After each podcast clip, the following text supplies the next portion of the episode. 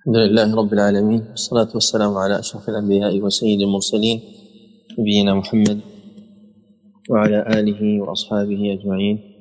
أما بعد فهذا هو المجلس السادس من مجالس التعليق على كتاب الأدب المفرد في عشاء الخميس التاسع والعشرين من الشهر السادس من العام الثاني والأربعين بعد الأربعمائة والألف. سنبدأ من الحديث الرابع والستين بعد السبعمائة. نعم. بسم الله الرحمن الرحيم. الحمد لله رب العالمين. وصلى الله وسلم وبارك على نبينا محمد وعلى آله وصحبه أجمعين. اللهم علمنا ما ينفعنا وانفعنا بما علمتنا وزدنا علما وعملا. وهدنا فخلصنا يا رب العالمين.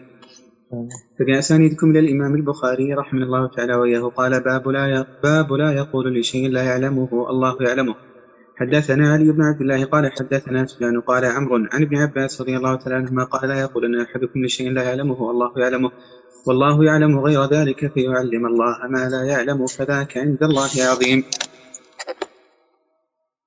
هذا أثر صحيح ومعناه لا يقول للشيء الذي لم يعلم وقوعه إن الله يعلم أن كذا قد حصل وقد وقع فيكون في ذلك كاذبا.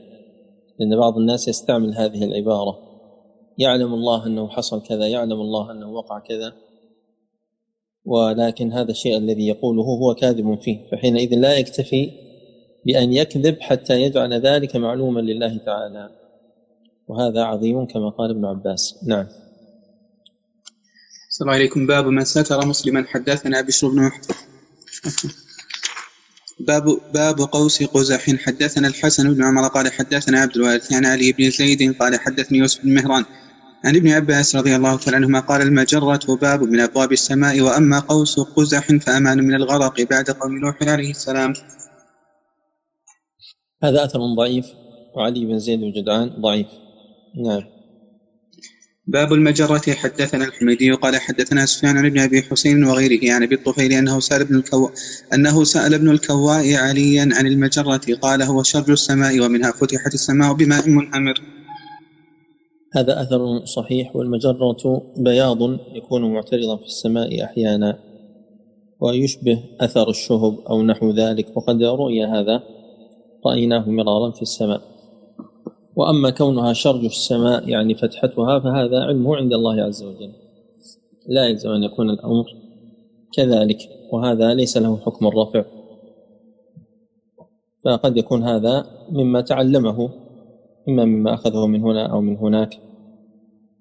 نعم السلام عليكم قال حدثنا عارم قال حدثنا أبو عوانة عن أبي بشر عن سيد بن جبير عن ابن عن ابن عباس رضي الله تعالى عنهما قال القوس أمان لأهل الأرض من الغرق والمجرة باب السماء الذي تنشق منه.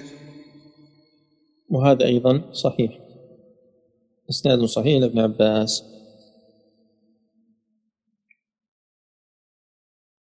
الذي تنشق منه يوم القيامة فقد يكون هذا مأخوذ عن النبي صلى الله عليه وسلم وقد يكون مأخوذ عن بني إسرائيل.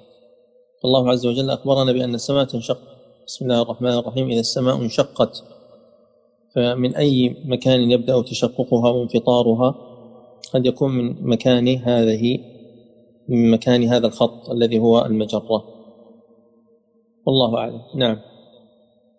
باب من كرهني وقال اللهم اجعلني في مستقر رحمتك. حدثنا موسى بن إسماعيل قال حدثنا أبو الحارث الكرماني قال سمعت رجلا قال لأبي رجاء أقرأ عليك السلام وأسأل الله أن يجمع بيني وبينك في مستقر رحمته. قال وهل يستطيع أحد ذلك؟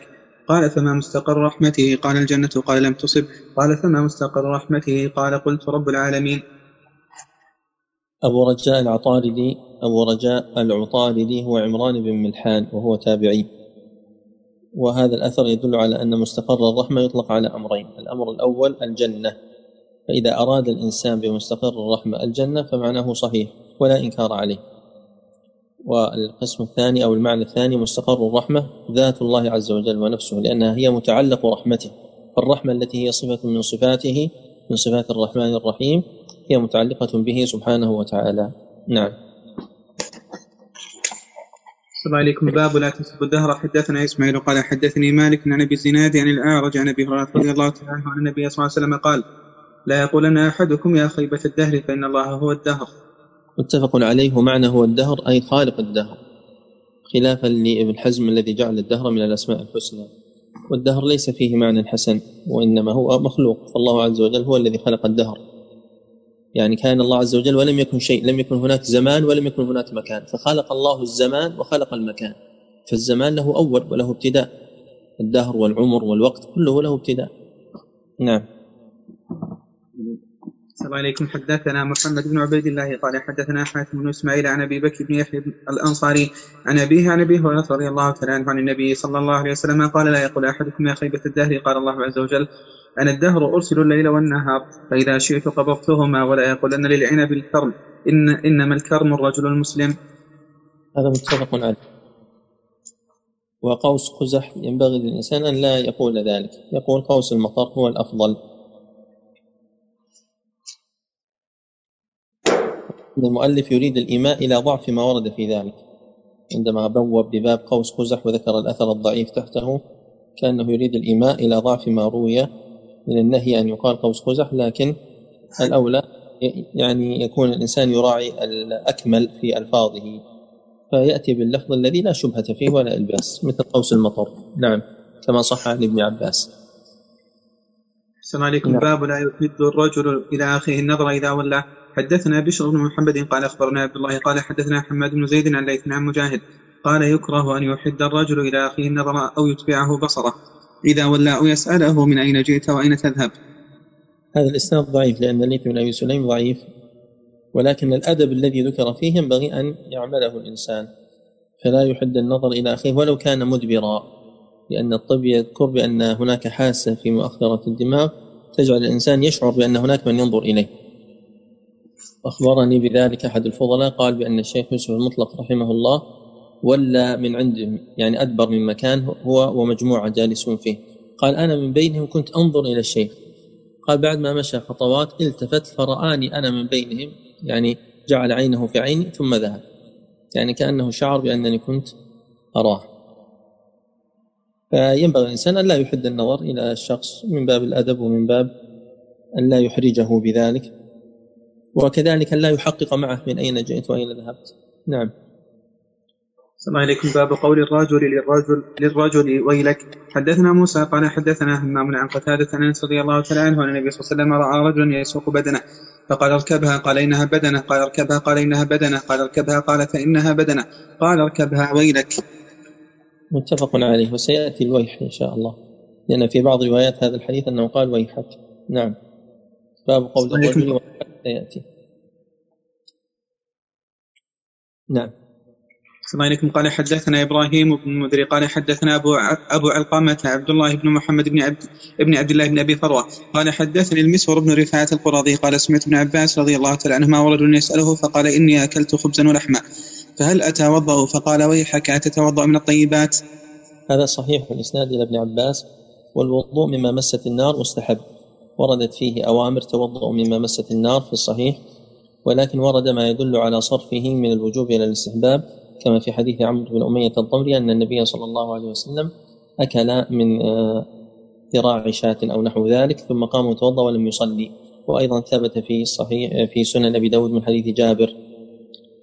لما حدث أبو هريرة أن النبي صلى الله عليه وسلم قال توضأوا مما غيرت النار؟ قال ابن عباس أتوضأ من الحميم؟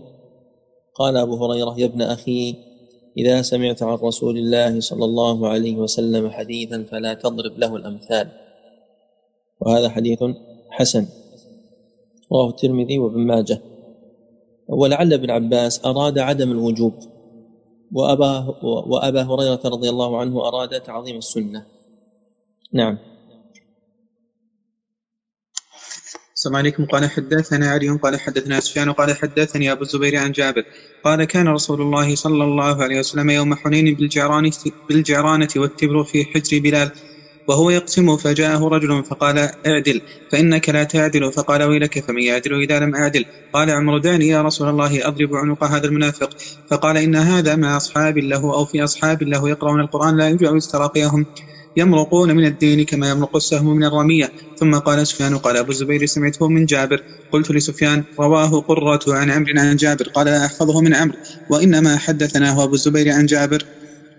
رواه مسلم وعمرو بن دينار. والشاهد منه قال وي لك. فمن يعدل إذا لم أعدل. ففيه دلالة على جواز قول ذلك. والأثر الذي قبله فيه ويحك. فويح بمعنى ويل ولذلك جعلها في هذا المقام. وإن كان بينهما فرق لأن ويل تقال للإنكار وكلمة وعيد وتهديد وويح كلمة ترحم. نعم. السلام عليكم. قال حدثنا سعد بن بكار قال حدثنا الأسود بن شيبان عن خالد بن سمير عن بشير بن نهيك عن بشير بن معبد ابن معبد السدوسي وكان اسمه زحم بن معبد فهاجر إلى النبي صلى الله عليه وسلم فقال ما اسمك؟ قال زحم قال بل أنت بشير قال فبين فبينما أنا أمشي مع رسول الله صلى الله عليه وسلم إذ مر بقبور المشركين فقال لقد سبق هؤلاء خير كثير قالها ثلاثة فمر بقبور المسلمين فقال لقد أدرك هؤلاء خيرا كثيرا قالها ثلاثا فحانت من النبي صلى الله عليه وسلم نظرة فراى رجلا يمشي في القبور وعليه نعلان فقال يا صاحب السبتيتين ألق سبت سبتيتيك. فنظر الرجل فلما رأى النبي صلى الله عليه وسلم خلعا عليه فرمى بهما. أين محل الشاهد من هذا؟ باب قول الرجل ويلك. أين محل الشاهد؟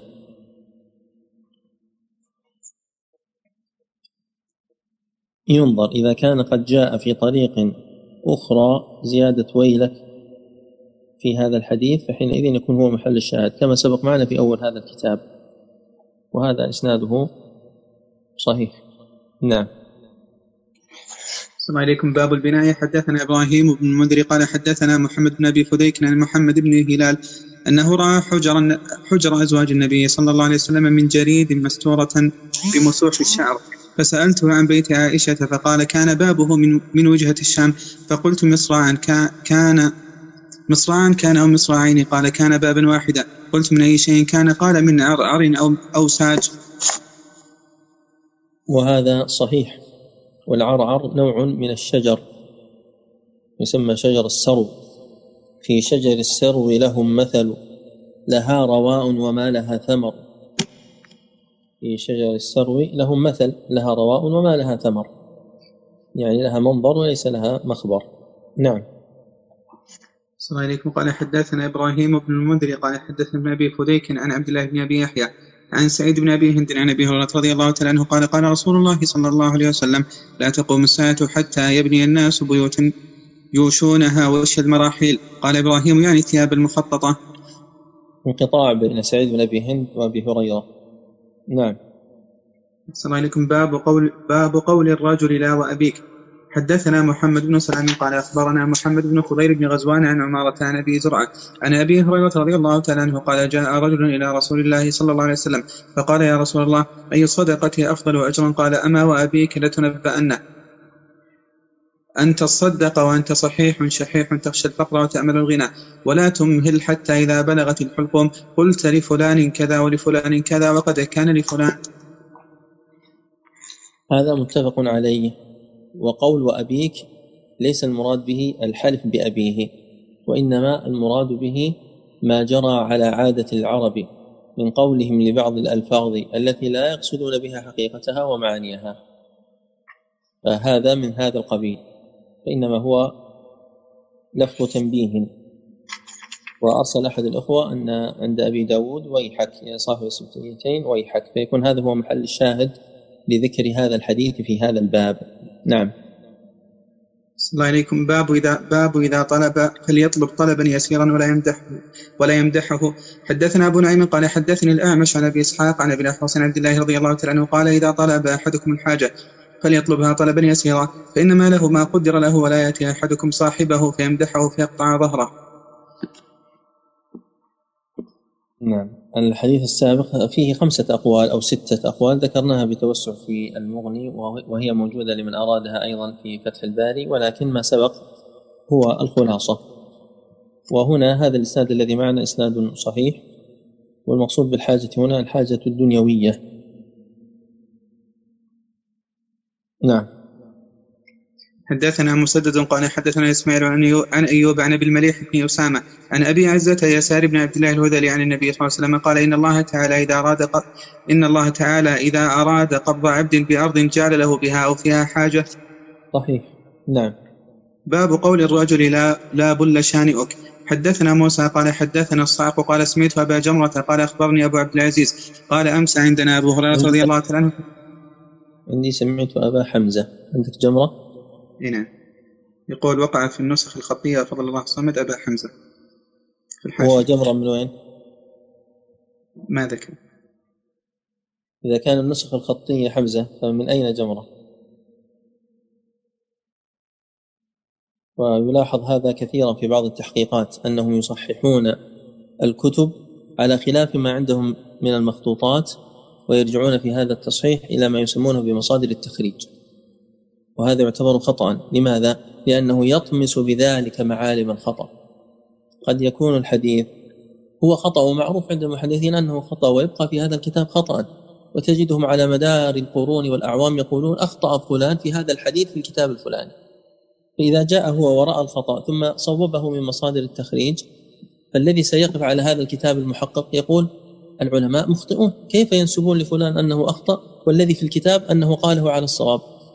ولا يدري أن هذا من هذا المحقق الذي عدل هذه الأخطاء من تلقاء نفسه إذا لم يشر وأذهب الأمانة. والمفترض هو أن لا يعدل. الخطأ يتركه كما هو ويكتب في الحاشية أنه هكذا في المخطوطات والصواب كذا كما في الكتاب الفلاني أو المرجع الفلاني.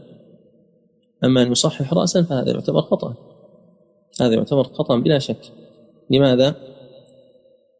لأنه يجعل الإنسان يخطئ بعض العلماء الذين قالوا بأنه يوجد خطأ في الكتاب الفلاني. طبعا هناك منهج معروف للمحدثين المتقدمين في هذا وهو مسألة هل يصوب الخطأ البين المعروف؟ يعني مثلا أن يقول شهاب سقطت ابن هل يضيف ابن أو لا؟ جريج هل يضيف ابن أو لا؟ إذا كان هو يعلم أن هذا الأمر على هذا الوجه فمنهم من يقول نعم يصوب ومنهم من يقول لا يصوب.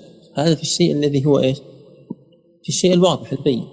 وأنا أتمنى لمن أراد أن يعني يطلع على شيء من هذا يراجع ما جاء في فتح المغيث أو يراجع ما جاء في مقدمة تحقيق علل ابن أبي حاتم.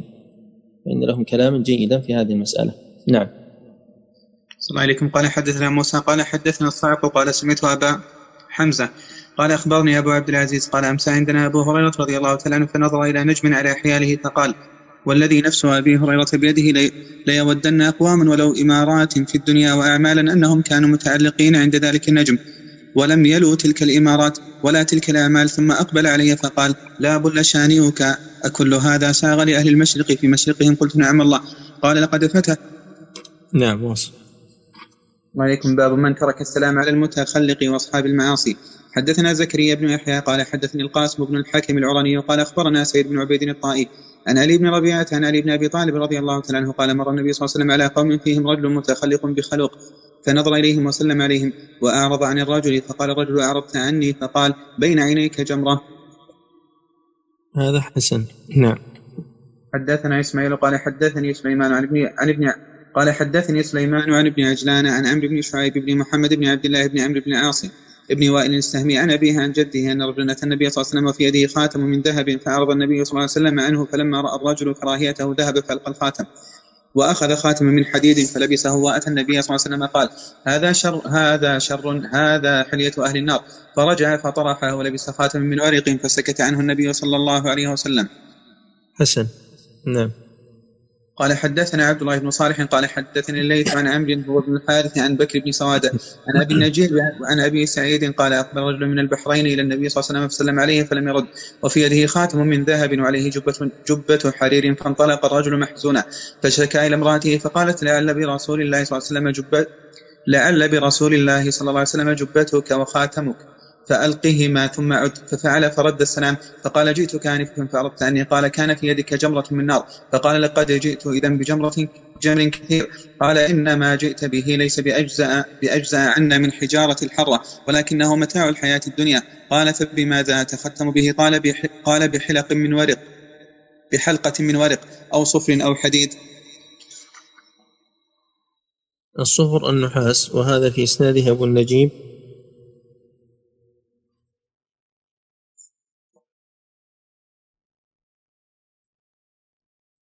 أبو النجيب مولى عبد الله بن سعد. يبدو أن فيه جهالة والله أعلم. هو فقيه لكن ينظر في درجته. طيب هذا الباب فيه دلالة على أن الإنسان إذا كان في حال المعصية فإنه لا يسلم عليه وهذه مسألة اختلف فيها ثامن الفقهاء. فإن كثيرا إن لم يكن أغلب مسائل إسحاق بن منصور الكوسج المتوفى سنة إحدى وخمسين ومائتين يوافق إسحاق بن راهويه أحمد بن حنبل فيها وسأل أحمد بن حنبل ثم عرض الأسئلة والأجوبة على إسحاق فكان إسحاق يجاوب على وفاقها. ففي الأغلب يتابع إسحاق أحمد لكن في هذه المسألة اختلف رأيهما. فإن إسحاق قال قلت الرجل يمر على قوم يلعبون بالنرد أو الشطرنج. فيسلم عليهم قال أحمد ما هؤلاء بأهل أن يسلم عليهم؟ قال إسحاق لا بل إذا كان يريد أن يبين لهم ما هم فيه سلم ثم أمر ونهى وإن لم يرد فلا ولا كرامة. إن لم يرد أن يبين وينكر فلا ولا كرامة. وهكذا سائر المعاصي والجمهور عدا الشافعي على المنع من اللعب بالشطرنج. أما إذا لم يكن على معصية فهو مسلم يسلم عليه. الأصل إشاعة السلام لكل أحد. وقد سلم جابر بن عبد الله رضي الله عنهما على الحجاج. لكن يبقى النظر في بعض المعاصي المستدامة كحلق اللحية. هل تدخل في هذا أو في ذاك؟ نعم. السلام عليكم. باب التسليم على الأمير. حدثنا عبد الغفار بن داود قال حدثنا يعقوب بن عبد الرحمن. عن موسى بن عقبتان بن شهاب أن عمر بن عبد العزيز سأل أبا بكر بن سليمان ابن سليمان بن أبي حثمة بما كان أبو بكر يكتب. من أبي بكر خليفة رسول الله ثم كان عمر يكتب بعده من عمر بن الخطاب خليفة أبي بكر. من أول من كتب أمير المؤمنين؟ فقال حدثتني جدتي الشفاء وكانت من المهاجرات الأول. وكان عمر بن الخطاب رضي الله عنه إذا هو دخل السوق دخل عليها. قالت كتب عمر بن الخطاب إلى إلى عامر العراقين. أن ابعث إلي برجلين جلدين نبيلين أسألهما عن العراق وأهله فبعث إليه صاحب العراق. فبعث إليه صاحب العراقين بلبيد بن ربيعة وعدي بن حاتم فقدم المدينة فأناخا رحلتيهما بفناء المسجد ثم دخل المسجد فوجد عمرو بن العاص فقال له يا عمرو استاذن لنا على أمير المؤمنين عمر. فوتب عمرو فدخل على عمر فقال السلام عليك يا أمير المؤمنين. فقال له عمر ما ما بد ما بدا لك في هذا الاسم يا ابن العاص لتخرجن مما قلت. قال نعم. قدم لبيدة بن ربيعة وعدي بن حاتم. فقال لي استاذن لنا على أمير المؤمنين. فقلت أنتما والله أصبتم اسمه وإنه الأمير ونحن المؤمنون. فجر الكتاب من ذلك اليوم.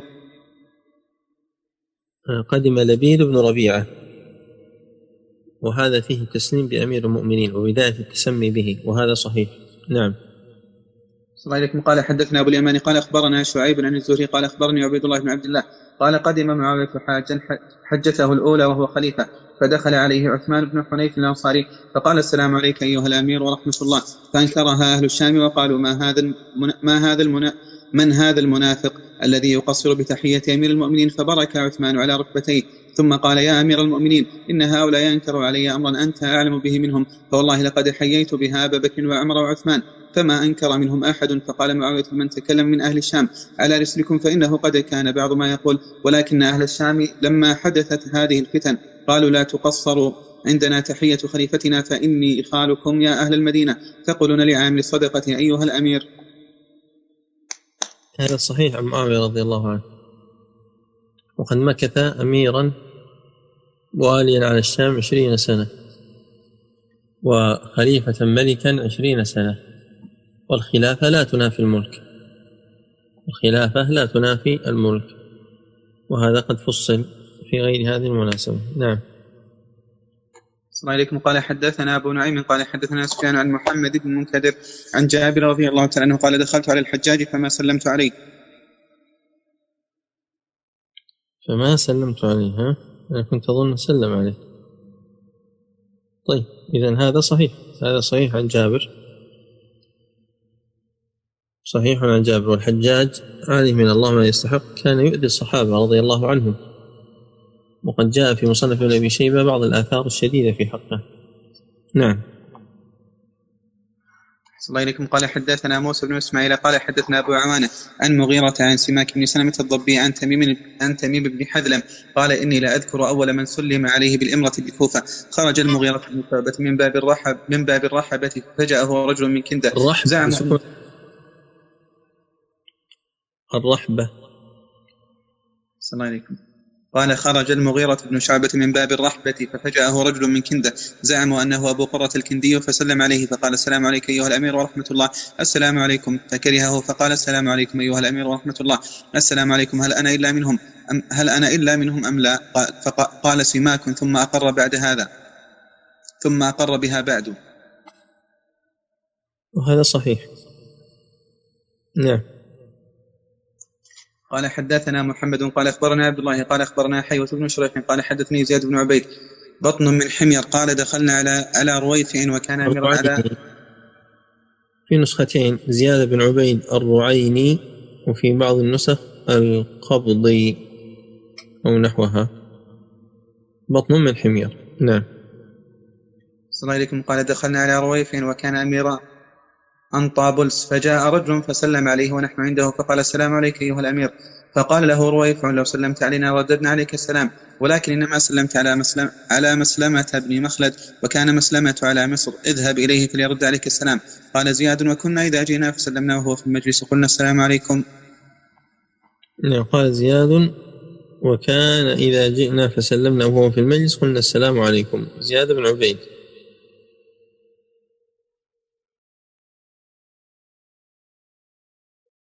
نعم زياد بن عبيد بن نمران الحميري قال عنه الذهبي وثق. نعم واصل. الله عليكم. باب التسليم على النائم. حدثنا مسلم إسماعيل قال حدثنا سليمان بن المغيرة قال حدثنا ثابت عن عبد الرحمن بن أبي ليلى عن المقداد بن الأسود قال كان النبي صلى الله عليه وسلم يجيء من الليل فيسلم تسليما لا يوقظ نائما ولا يسمع اليقظان ويسمع اليقظان. نعم هذا رواه مسلم في ضمن حديث طويل. فهذا التسليم ليس على النائم وإنما على من كان يقظان فكان تسليمه لا يقظ النائم ويسمع اليقظان. قال الشيخ عبد الله السعد الذي يبدو أنه لا يشرع السلام على النائم. نعم. السلام عليكم باب حياك الله. حدثنا عمرو بن عباس قال حدثنا عبد الرحمن عن سفيان عن أبيه عن الشعبي أن عمر رضي الله تعالى عنه قال لعدي بن حاتم حياك الله من معرفة. عبد الرحمن ابن سفيان عن أبيه عن الشعبي. عبد الرحمن بن سفيان الثوري.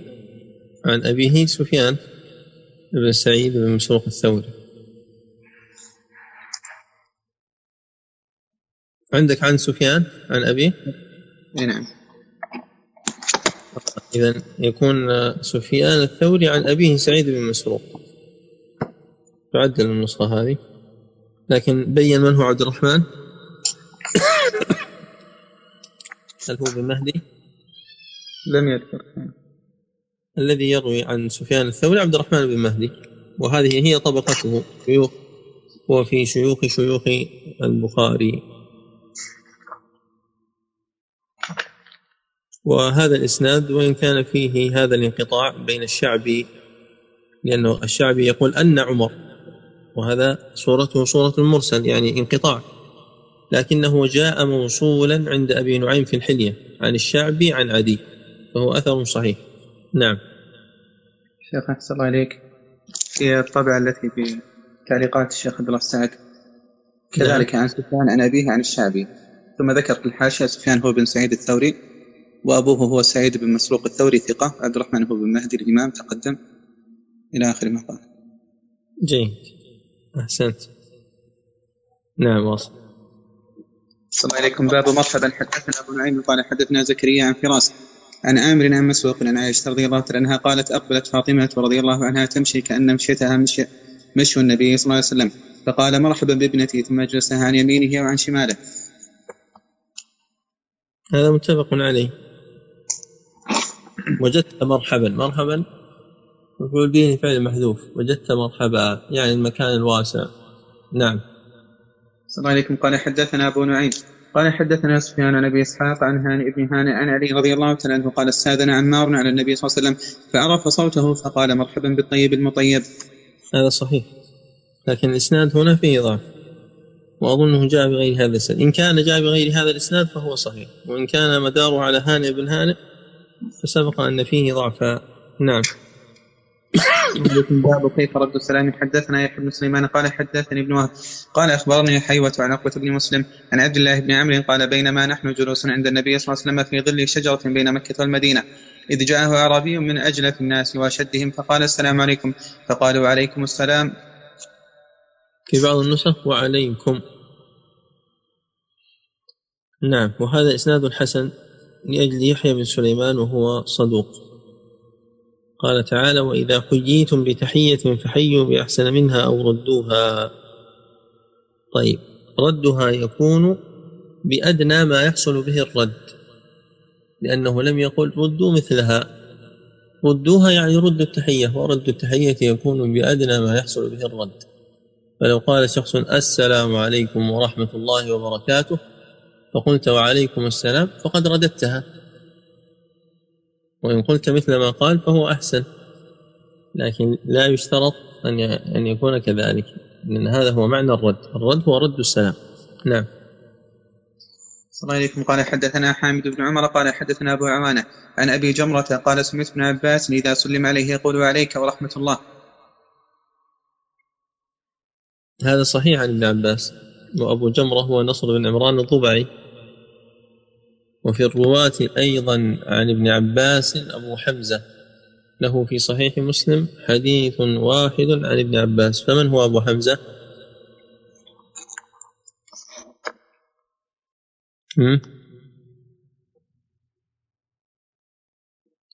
أبو حمزة القصاب. أبو حمزة عمران القصاب. نعم. عليكم. قال أبو عبد الله وقالت قيلة وقال رجل السلام عليك يا رسول الله. قال وعليك السلام ورحمة الله. هذا معلق أيضا. وقيلة هي بنت مخرمة الغنوية. نعم. الله عليكم. حدثنا عبد الله بن مسلمة قال حدثنا سليمان بن المغيرة عن حميد بن هلال. عن عبد الله بن صامت عن أبي ذر رضي الله عنه قال أتيت النبي صلى الله عليه وسلم حين فزع من صلاته فكنت حين فرغ من صلاته فكنت أول من حياه بتحية الإسلام. فقال وعليك ورحمة الله ممن أنت؟ قلت من غفار. رواه مسلم. نعم. أصل حديثة أصل قصة إسلام أبي ذر في الصحيحين متفق عليه. فينظر هل هذا القدر متفق عليه أيضا؟ نعم. صلى الله عليكم. حدثنا عبد الله قال حدثني الليث قال حدثني يونس عن ابن شهاب أنه قال قال أبو سلمة أن عائشة رضي الله تعالى عنها قالت قال رسول الله صلى الله عليه وسلم يا عائش هذا جبريل وهو يقرأ عليك السلام. قالت فقلت عليه السلام ورحمة الله وبركاته. ترى ما لا نرى تريد بذلك رسول الله صلى الله عليه وسلم. متفق عليه. وأبو سلمة هو بن عبد الرحمن بن عوف الزهري. يا عائش هذا ترقيم. قال أبو سلمة إن عائشة الهمزة بعد القول مكسورة. نعم. الله عليكم. قال حدثنا مطر قال حدثنا روح بن عبادة قال حدثنا بسطام قال سمعت معاوية بن قرة. قال قال لي أبي يا بني إذا مر بك الرجل فقال السلام عليكم. فلا تقل عليك كأنك تخصه بذلك وحده فإنه, فإنه ليس وحده. ولكن قل السلام عليكم. طيب هذا صحيح. نعم. صلى الله عليكم. باب من لم يرد السلام. حدثنا عياش بن الوليد قال حدثنا عبد الله قال حدثنا سعيد عن قتادة عن حميد بن هلال عن عبد الله بن الصامت قال قلت لأبي ذر مررت بعبد مررت بعبد الرحمن بن أم الحكم فسلمت. فما رد علي شيئا فقال ابن أخي ما يكون عليك من ذلك؟ رد عليك من هو خير منه ملك عن يمينه. أعد. قال حدثنا عياش بن الوليد قال حدثنا عبد العلاء قال حدثنا سعيد عن قتادة عن حميد بن هلال عن عبد الله بن صامت قال قلت لأبي ذر رضي الله تعالى عنه مرت بعبد الرحمن بن أم الحكم فسلمت فما رد علي شيئا. فقال يا ابن أخي ما يكون عليك من ذلك؟ رد عليك من هو خير منه ملك عن يمينه. صحيح موقوفا. نعم. قال حدثنا عمر بن حفص قال حدثنا أبي قال حدثنا الأعمش وقال حدثنا زيد بن وهب عن عبد عن عبد الله قال إن السلام اسم من أسماء الله تعالى وضعه الله عز وجل في الأرض فافشوه بينكم إن الرجل إذا سلم على القوم فردوا عليه كانت له عليهم فضل كانت له عليهم فضل درجة لأنه ذكرهم السلام وإن لم يرد عليه رد وإن لم يرد عليه رد عليه من هو خير منه وأطيب. صحيح نعم. حدثنا محمد بن يوسف قال حدثنا سفيان عن هشام عن الحسن قال التسليم تطوع والرد فريضة. هذا صحيح إلى الحسن. محمد بن يوسف هو إما أن يكون الفريابي وهو الراجح لأنه يروي عن سفيان. سفيان هذا هو الثوري. هشام بن حسان القردوسي عن الحسن البصري الحسن بن أبي الحسن يسار. نعم.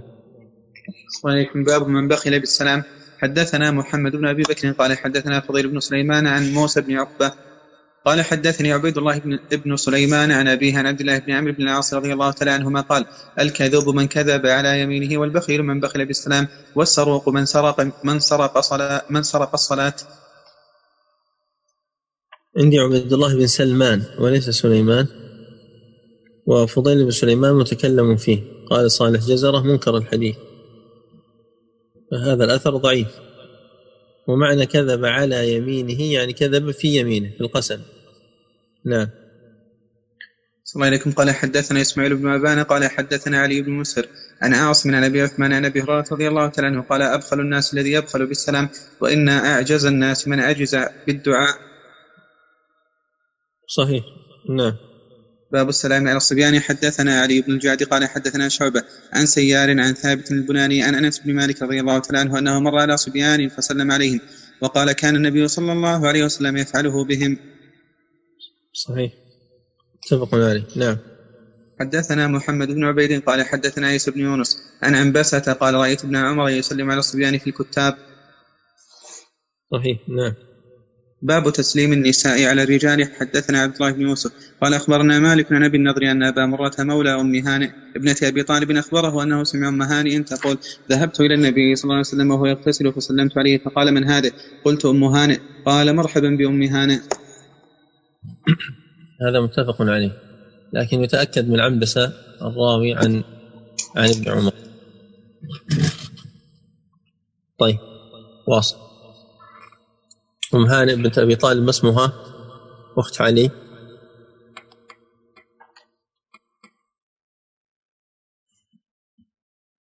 من يعرف يجاوب. فاكتة إجابة صحيحة. نعم. الله عليكم. قال حدثنا موسى قال حدثنا مبارك قال سمعت الحسن يقول كنا النساء يسلمن على الرجال. طيب مبارك فيه مبارك من فضاله فيه تدليس شديد وهنا قد صرح بالسماع فيكون حسنا. نعم. أو صحيحا لأنه مكثر جدا عن الحسن فيكون صحيحا. نعم. الله عليكم. باب التسليم على النساء. حدثنا محمد بن يوسف. قال حدثنا عبد الحميد بن بهرام عن شهر قال سمعت أسماء أن النبي صلى الله عليه وسلم مر في المسجد وعصبة من النساء قعود فقال بيده إليهن بالسلام. فقال إياكن وكفران المنعمين, المنعمين إياكن وكفران المنعمين. قالت إحداهن نعوذ بالله يا نبي الله من كفران من كفران نعم الله. قال بلى إن إحداكن تطول أيمتها ثم تغضب الغضبة فتقول والله ما رأيت منه ساعة خيرا قط. فذلك كفران نعم الله وذلك كفران نعم المنعمين. هذا في إسناد هشام بن حوشب وهو ضعيف ولكن من حيث المعنى قد جاء هذا في الصحيح. نعم قال حدثنا مخلد قال حدثنا مبشر بن إسماعيل عن ابن أبي غنية عن محمد بن مهاجر عن أبيه عن أسماء بنت يزيد الأنصارية قالت مر بي النبي صلى الله عليه وسلم وأنا في جوار في جوار أتراب لي في جوار نعم. أتراب لي فسلم علينا وقال إياكم وكفر المنعمين وكنت من أجرائهن على مسألته فقلت يا رسول الله وما كفر المن... وما كفر المنعمين؟ قال لعل إحداكن تطول أيمتها من أبويها. ثم يرزقها الله عز وجل زوجا ويرزقها منه ولدا. فتغضب الغضبة فتكفر فتقول ما رأيت منك خيرا قط؟ نعم هذا خالي من العلة السابقة وابن أبي غنية كما سبق متكلم فيه. نعم. السلام عليكم. باب من كره تسليم الخاصة. حدثنا أبو نعيم عن بشر بن سلمان عن سيار عن سيار أبي الحكم عن طارق. بشير بن سلمان. الله عليكم. قال حدثنا أبو نعيم قال عن بشير بن سلمان عن سيار أبي الحكم عن طارق قال كنا عند عبد الله جلوسا. فجاء آذنه فقال قد قامت الصلاة فقام وقمنا معه فدخلنا المسجد. فرأى الناس ركوعا في مقدم المسجد فكبر وركع ومشينا وفعلنا مثل ما فعل. فمر رجل مسلم فقال عليكم السلام يا أبا عبد الرحمن. فقال صدق الله وبلغ رسوله. فلما صلينا رجع فولج على أهله وجلسنا في مكاننا ننتظره حتى يخرج. فقال بعضنا لبعض أيكم يسأله؟ قال طارق. أنا أسأله فسأله فقال عن النبي صلى الله عليه وسلم فقال عن النبي صلى الله عليه وسلم قال بين يدي الساعة تسليم الخاصة وفشو التجارة حتى تعين المرأة زوجها على التجارة وقطع الأرحام وفشو القلم وظهور الشهادة بالزور وكتمان شهادة الحق. هذا صحيح وفي بعض النسخ فشو العلم. وبكل, وبكل منهما قد وردت النصوص. فشو العلم وفشو القلم. وهذا الفعل جاء عن جمع من الصحابة لكن الصواب هو أنه لا يشرع أن يركع الإنسان دون الصف ثم يدخل في الصف لحديث أبي بكر الذي في صحيح البخاري. زادك الله حرصا ولا تعد. نعم. الله عليكم. قال حدثنا عبد الله بن صالح قال حدثني الليث قال حدثني يزيد بن أبي حبيب. عن ابي الخير عن عبد الله بن عمرو رضي الله تعالى عنهما أن رجلا سأل النبي ان أن رجلا سأل رسول الله صلى الله عليه وسلم أي الإسلام خير؟ قال تطعم الطعام وتقرأ السلام على من عرفته ومن لم تعرف. صحيح. متفق عليه. نعم. باب كيف نزلت آية الحجاب؟ حدثنا عبد الله بن صالح. قال حدثني الليث قال حدثني عقيل عن ابن شهاب قال أخبرني أنس أنه كان ابن عش أنه كان ابن عشر سنين مقدم رسول الله صلى الله عليه وسلم المدينة. فكن أمهاتي يوطئنني على خدمته فخدمته عشر سنين. وتوفي وأنا ابن عشرين فكنت أعلم فكنت أعلم الناس بشأن الحجاب وكان أول ما نزل ما ابتنى رسول الله صلى الله عليه وسلم بزينب بنت جحش أصبح بها عروسا فدعا القوم فأصابوا من الطعام ثم خرجوا وبقي رهط عند النبي صلى الله عليه وسلم. فأطالوا المكث فقام فخرج وخرجت لكي يخرجوا. فمشى فمشيت معه حتى جاء حتى جاء عتبة حجرة عائشة. ثم ظن أنهم خرجوا فرجع ورجعت معه. حتى دخل على زينب فإذا هم جلوس فرجع ورجعت. ورجع ورجعت حتى دخل. فرجع ورجعت حتى دخل على زينب فإذا هم جلوس فرجع ورجعت حتى بلغ عتبة حجرة عائشة وظن أنهم خرجوا فرجع ورجعت معه فإذا هم قد خرجوا فضرب النبي صلى الله عليه وسلم بيني وبينه الستر وأنزل الحجاب. متفق عليه. نعم. باب العورات الثلاث. حدثنا عبد العزيز بن عبد الله قال حدثنا إبراهيم بن سعد عن صالح بن كيسان عن ابن شهاب عن ثعلبة بن أبي مالك القرظي أنه ركب إلى عبد الله بن سويد أخي بني حارثة بن الحارث يسأله عن العورات الثلاث وكان يعمل بهن فقال ما تريد؟ فقلت, فقلت أريد أن أعمل بهن. فقال إذا وضعت ثيابي من الظهيرة لم يدخل علي أحد من أهلي بلغ الحلم إلا بإذني إلا أن أدعوه فذلك إذنه ولا طلع الفجر وتحرك الناس حتى تصلى الصلاة ولا إذا صليت العشاء وضعت ثيابي حتى أنام. نعم ولا إذا طلع الفجر. كما قال تعالى يا أيها الذين آمنوا ليستأذنكم الذين ملكت أيمانكم والذين لم يبلغوا الحلم منكم ثلاث مرات. من قبل صلاة الفجر وحين تضعون ثيابكم من الظهيرة ومن بعد صلاة العشاء ثلاث عورات لكم ليس عليكم ولا عليهم جناح بعدهن. طوافون عليكم بعضكم على بعض. نعم فهذه الساعات الثلاث يتأكد فيها ما ذكر من حكم الاستئذان يعني يجب على الإنسان أن لا يدخل إلا بإذن. نعم. الله إليكم باب أكل الرجل مع امرأته. حدثنا الحميدي قال حدثنا سفيان عن مسعر عن موسى بن أبي كثير عن مجاهد عن عائشة رضي الله تعالى عنها قالت كنت كنت آكل مع النبي صلى الله عليه وسلم حيسا. فمر عمر فدعاه فأكل فأصابت يده إصبعي. فقال حسي لو أطاع فيكن ما رأيتكن ما رأتكن عين فنزل الحجاب. نعم هذا إسناد صحيح. وسبق البحث في مجاهد عن عائشة وسماعه منها. ولا لا؟ ما سبق؟ لا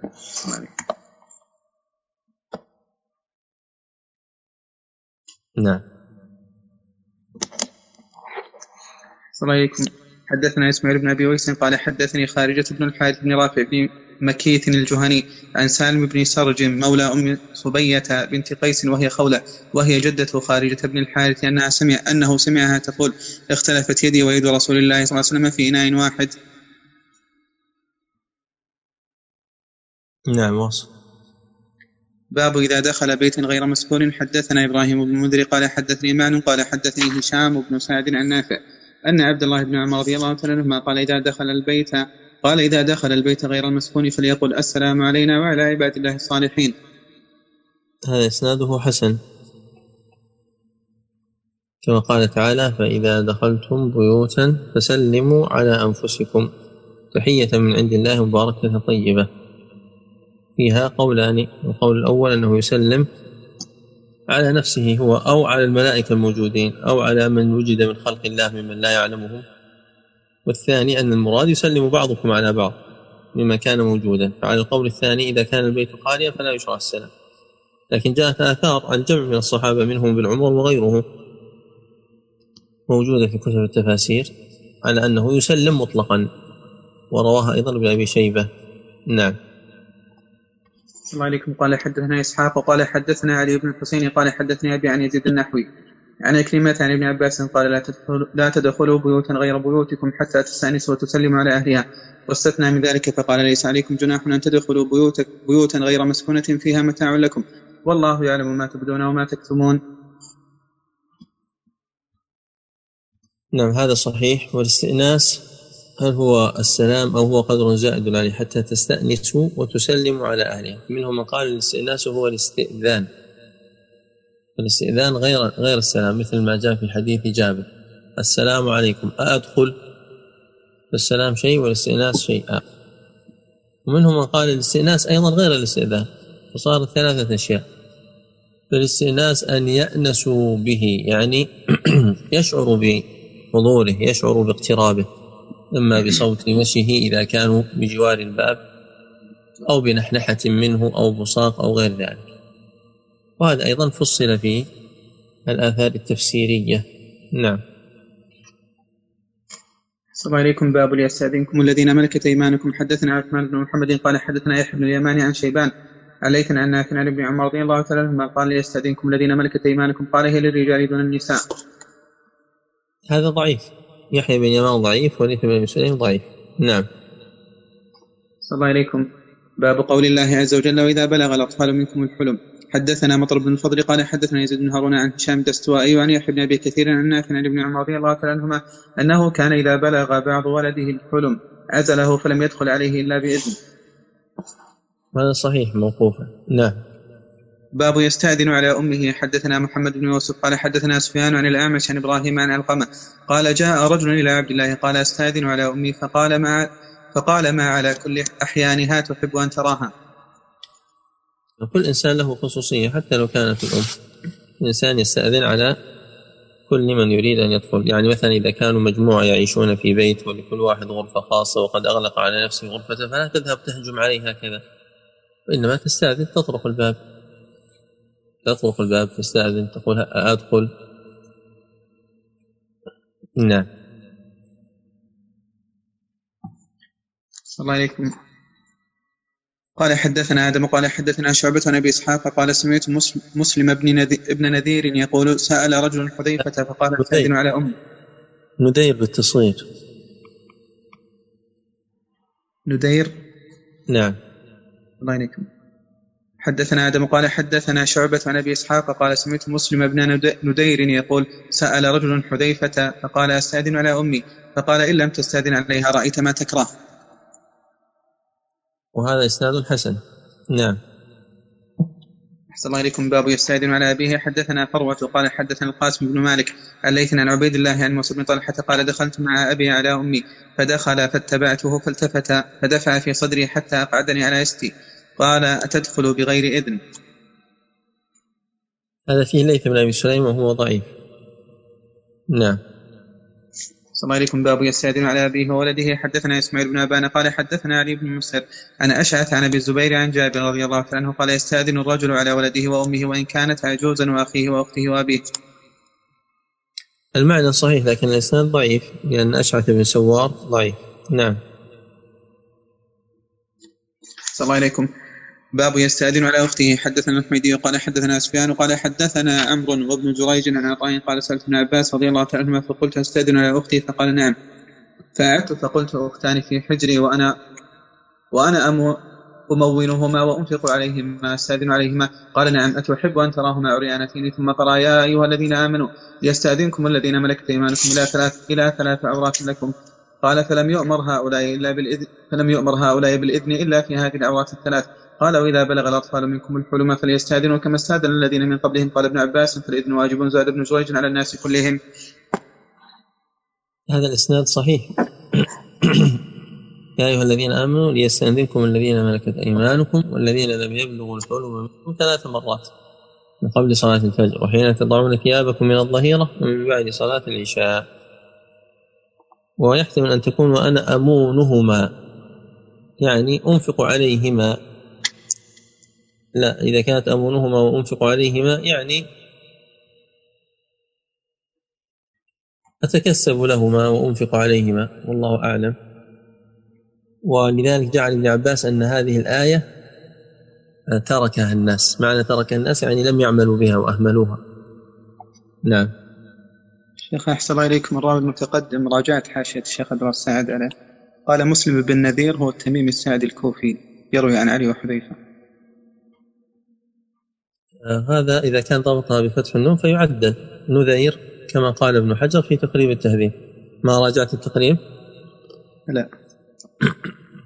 لكن الطبعة التي بين يدي فقط وعدت الطبعة التي حاشية الشيخ لا هذا نص عليه حجر. ابن حجر نص عليه بالكلام وليس بضبط ليس عفوا بضبط الحركات. نص عليه بالكلام. قال مسلم بن نذير مصغر. رضي الله نعم.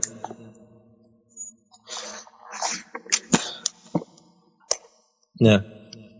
أحسن الله إليكم. باب يستأذن على باب يستأذن على أخيه. حدثنا قتيبة قال حدثنا عبثر عن أشعث عن كردوس عن عبد الله. قال يستأذن الرجل على أبيه وأمه وأخيه وأخته. سبق أن أشعث ضعيف. نعم. صلى الله عليكم باب الاستئذان ثلاثا. حدثنا محمد بن سلام قال أخبرنا مخلد قال أخبرنا ابن جريج قال أخبرني عطاء عن عبيد بن عمير أن أبا موسى الأشعري استأذن على عمر بن الخطاب رضي الله عنه فلم يؤذن له وكأنه كان مشغولا. فرجع أبو موسى ففرغ عمر فقال لم أسمع صوت عبد الله بن قيس إيذنوا له.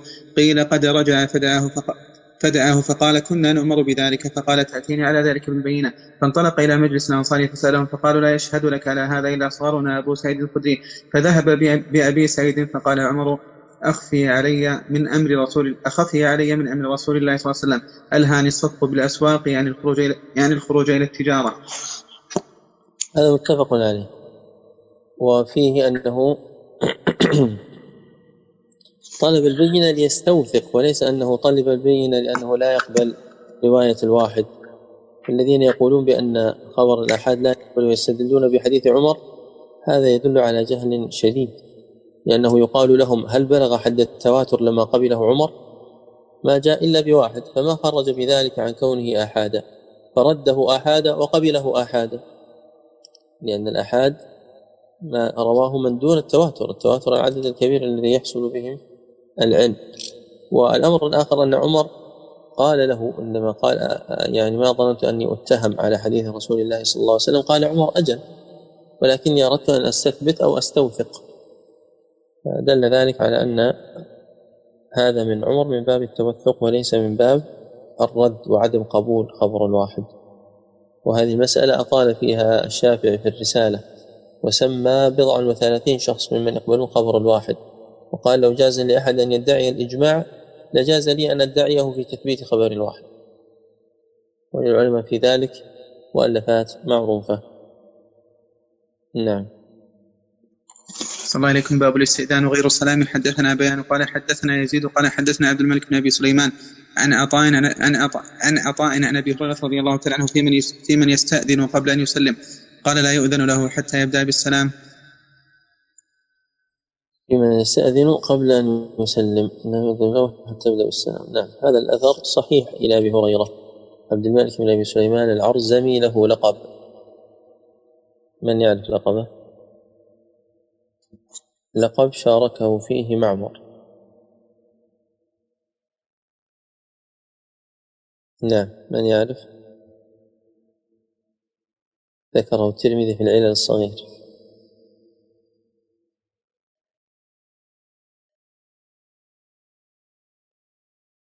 أبو عمر أسعفهم. العرزمي نسبته نريد اللقب. اللقب ما أشار أو ذم.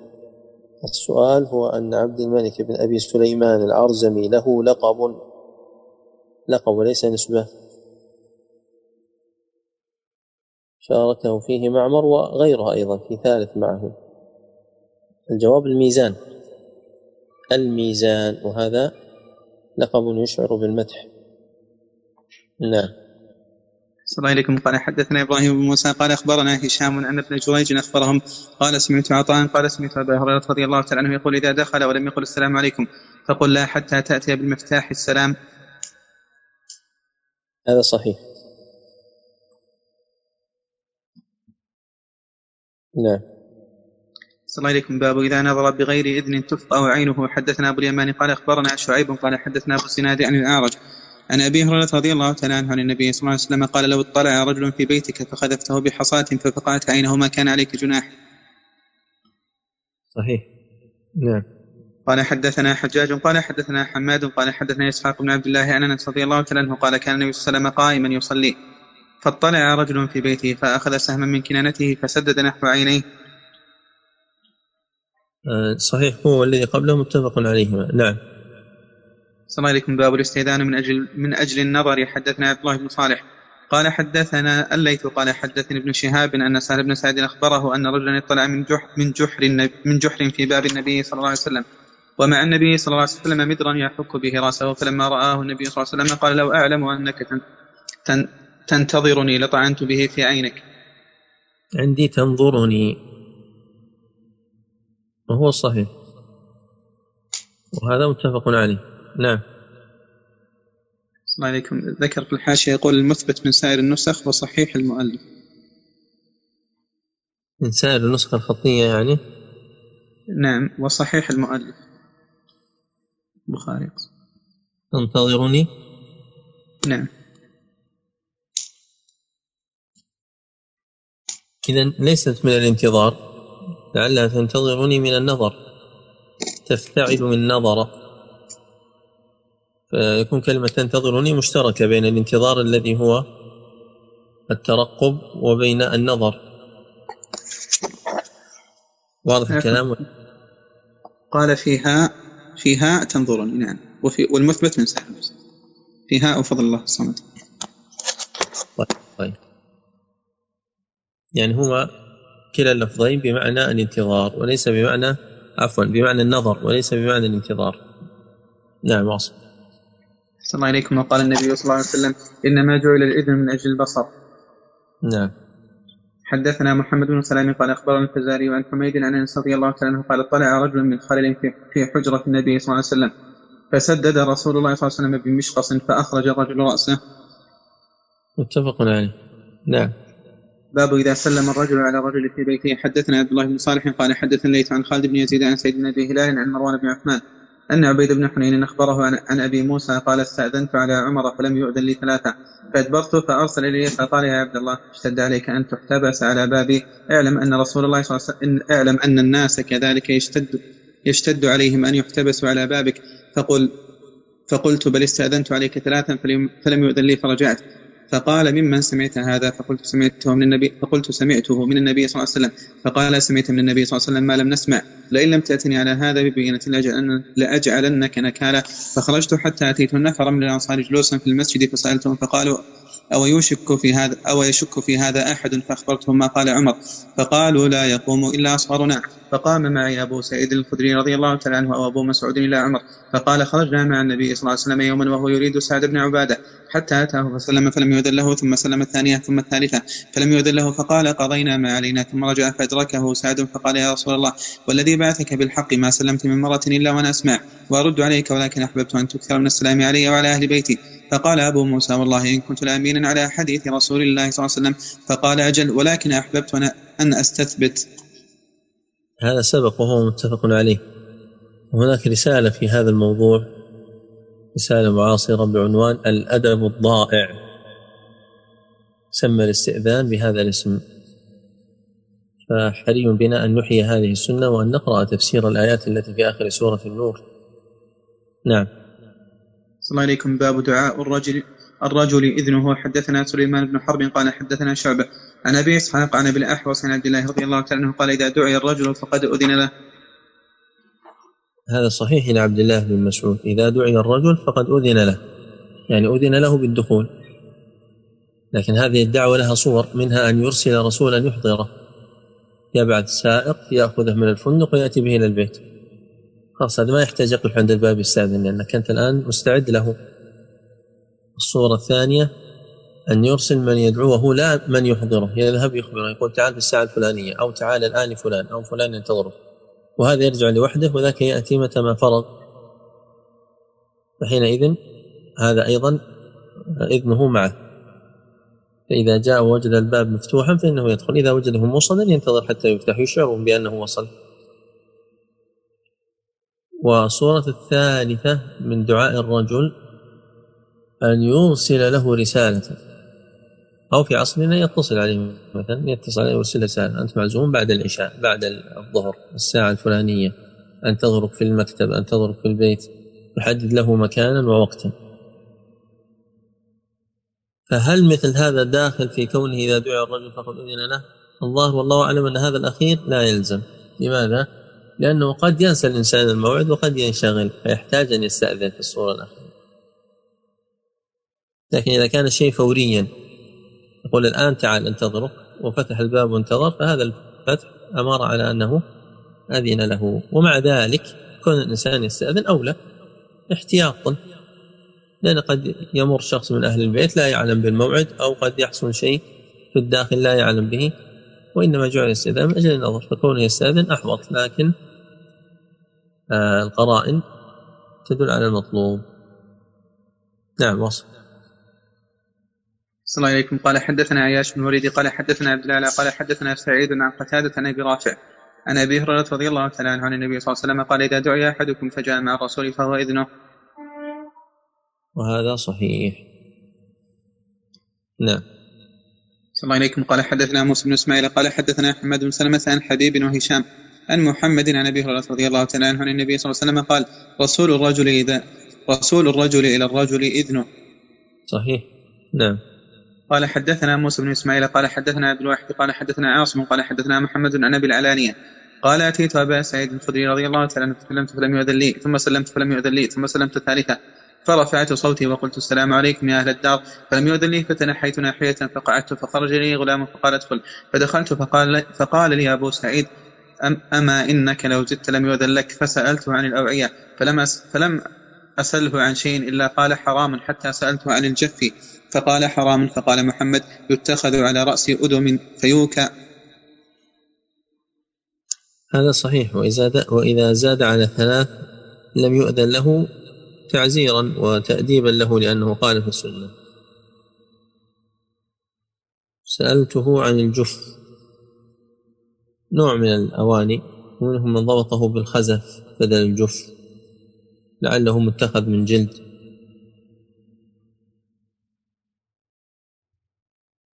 أدم يعني جلد. وهذا منسوخ لأنه جاء في الحديث الآخر أن النبي صلى الله عليه وسلم قال كنت نهيتكم عن الإناء وإن الأواني لا تحرم لا تحرم حلالا أو كما قال صلى الله عليه وسلم. فالنسخ جاء في صحيح مسلم. اشربوا ما شئتم من الأوعية غير أن لا تشربوا مشكرا اشربوا فيما شئتم من الأوعية غير أن لا تشربوا مسكرا. يعني في أول الإسلام كان نهي عن بعض الأنواع من الجرار حتى آه، لا يتخمر الشراب في داخلها والإنسان لا يشعر وإنما يشرب في الجلد لأنه إذا تخمر واشتد في داخله الشراب يتشقق ثم بعد ذلك نسخ. فصار الإنسان يشرب الشراب المباح في أي وعاء. نعم. رضي الله عنكم. يدخل في هذا الاتصال فوق ثلاث بالهاتف. يعني يتصل ثلاثا ثم يكف. يحتمل ثلاثة أمور. ثلاث رنات أو ثلاث مرات. أظن ثلاث رنات قد لا تكفي لأن الإنسان أحيانا يكون بعيد عن الهاتف يحتاج مهلة. لكن ثلاث مرات كافية بل قد تكون تصل إلى درجة الإزعاج. لكن لا يكون مثل بعض الناس نشق يتصل عشرين و 30 مرة حتى يزعج هذا الشخص. يتصور نفسك في مكانه. قد يكون الإنسان في مكان أو في زمان لا يستطيع أن يرد على الجوال. فلا يعتب الإنسان على من لا يرد ولا يكثر الاتصال ولا يلح. والآن الحمد لله الأمر متيسر. إذا ما رد أرسل رسالة متى ما رآها. رد عليك وهكذا. نعم. صلى الله عليكم. باب كيف يقوم عند الباب؟ حدثنا محمد بن عبد العزيز قال حدثنا بقية.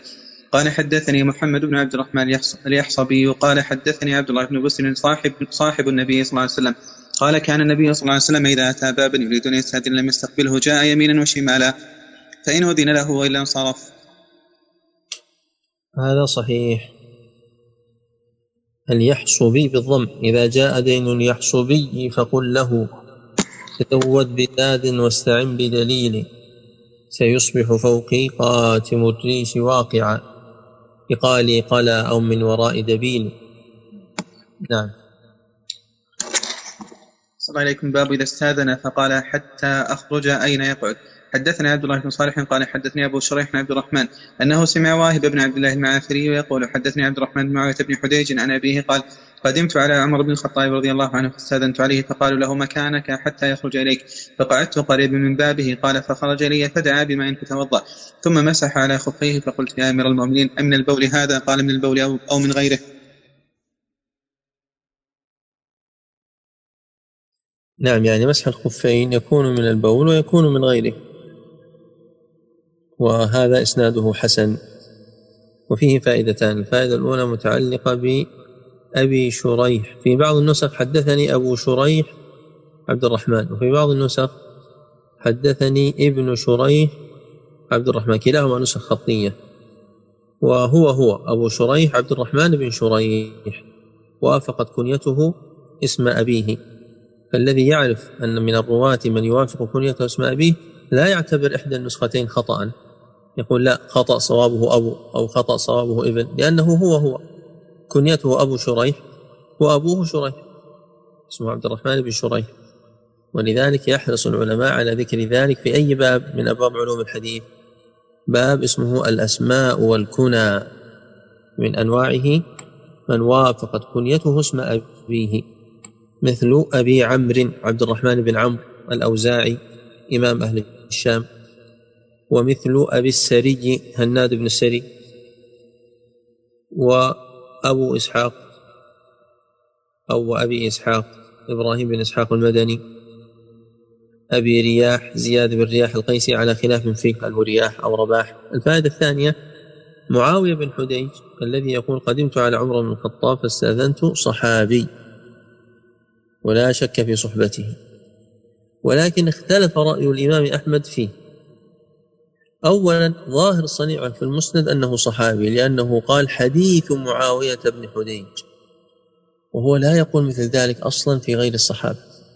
كل مسندة ما فيه أشياء مرسلة أو تابعين ولا يقول هذا إلا في من كان صحابيا.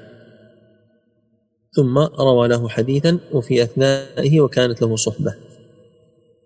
ولكن علق آه، أبو عبد الرحمن بأنه ليس بمرفوع. المهم الوجه الثاني في من أوجه الاختلاف على أحمد أنه سئل عنه سمع من النبي صلى الله عليه وسلم فسكت.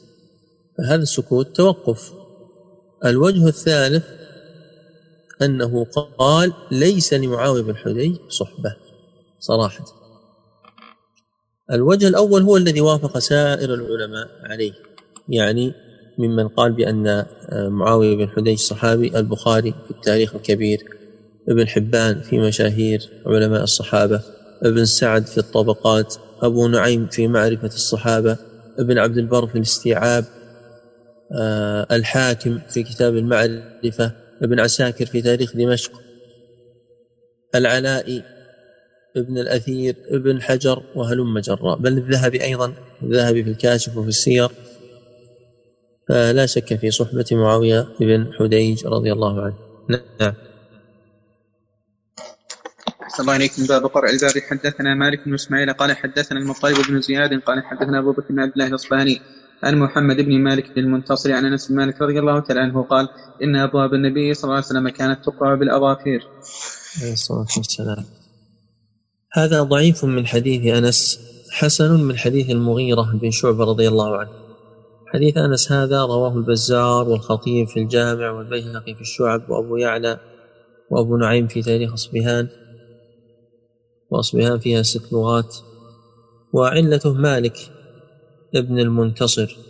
قال الذهبي لا يعرف. وكذلك أبو بكر الأصبهاني مجهول. وهذا قد جاء في ألفية العراقي. عندما ذكر الفروع المتعلقة بصيغ الرفع أو ما له حكم الرفع. قال لكن حديث كان باب المصطفى يقرع بالأظفار مما وقف حكما لدى الحاكم والخطيب والرفع عند الشيخ ذو تصويب. يعني أن أبو عبد الله يعني أن أبا عبد الله الحاكم والخطيب البغدادي قالوا إنه وهم من جعل هذا الحديث مسندا وإنما هو حديث موقوف لأنه في حكاية فعل الصحابة. لكن الشيخ وهو ابن الصلاح قال بأن هذا مرفوع. لأن ليس المقصود قرع أبواب حجر النبي صلى الله عليه وسلم بعد وفاته وإنما باب المصطفى وإنما بابه هو في وقت وجوده. لماذا؟ لأن الاحتمال هو أن يقرع الباب وهو لا يدري حتى يكون موقوفا. لكن ظاهر السياق أنهم يريدون قرع أبوابه استئذانا عليه عليه الصلاة والسلام. وأما حديث المغيرة بن شعبة فقد رواه الحاكم في معرفة علوم الحديث. والبيهقي في المدخل كما بين طرقه السخاوي في فتح المغيث. وهو حسن من حديث المغيرة ضعيف من حديث أنس. نعم. صلى الله عليكم. باب إذا دخل ولم يستأذن. حدثنا أبو عاصم وأفهمني بعض وأفهمني بعضه عنه أبو حفص بن علي.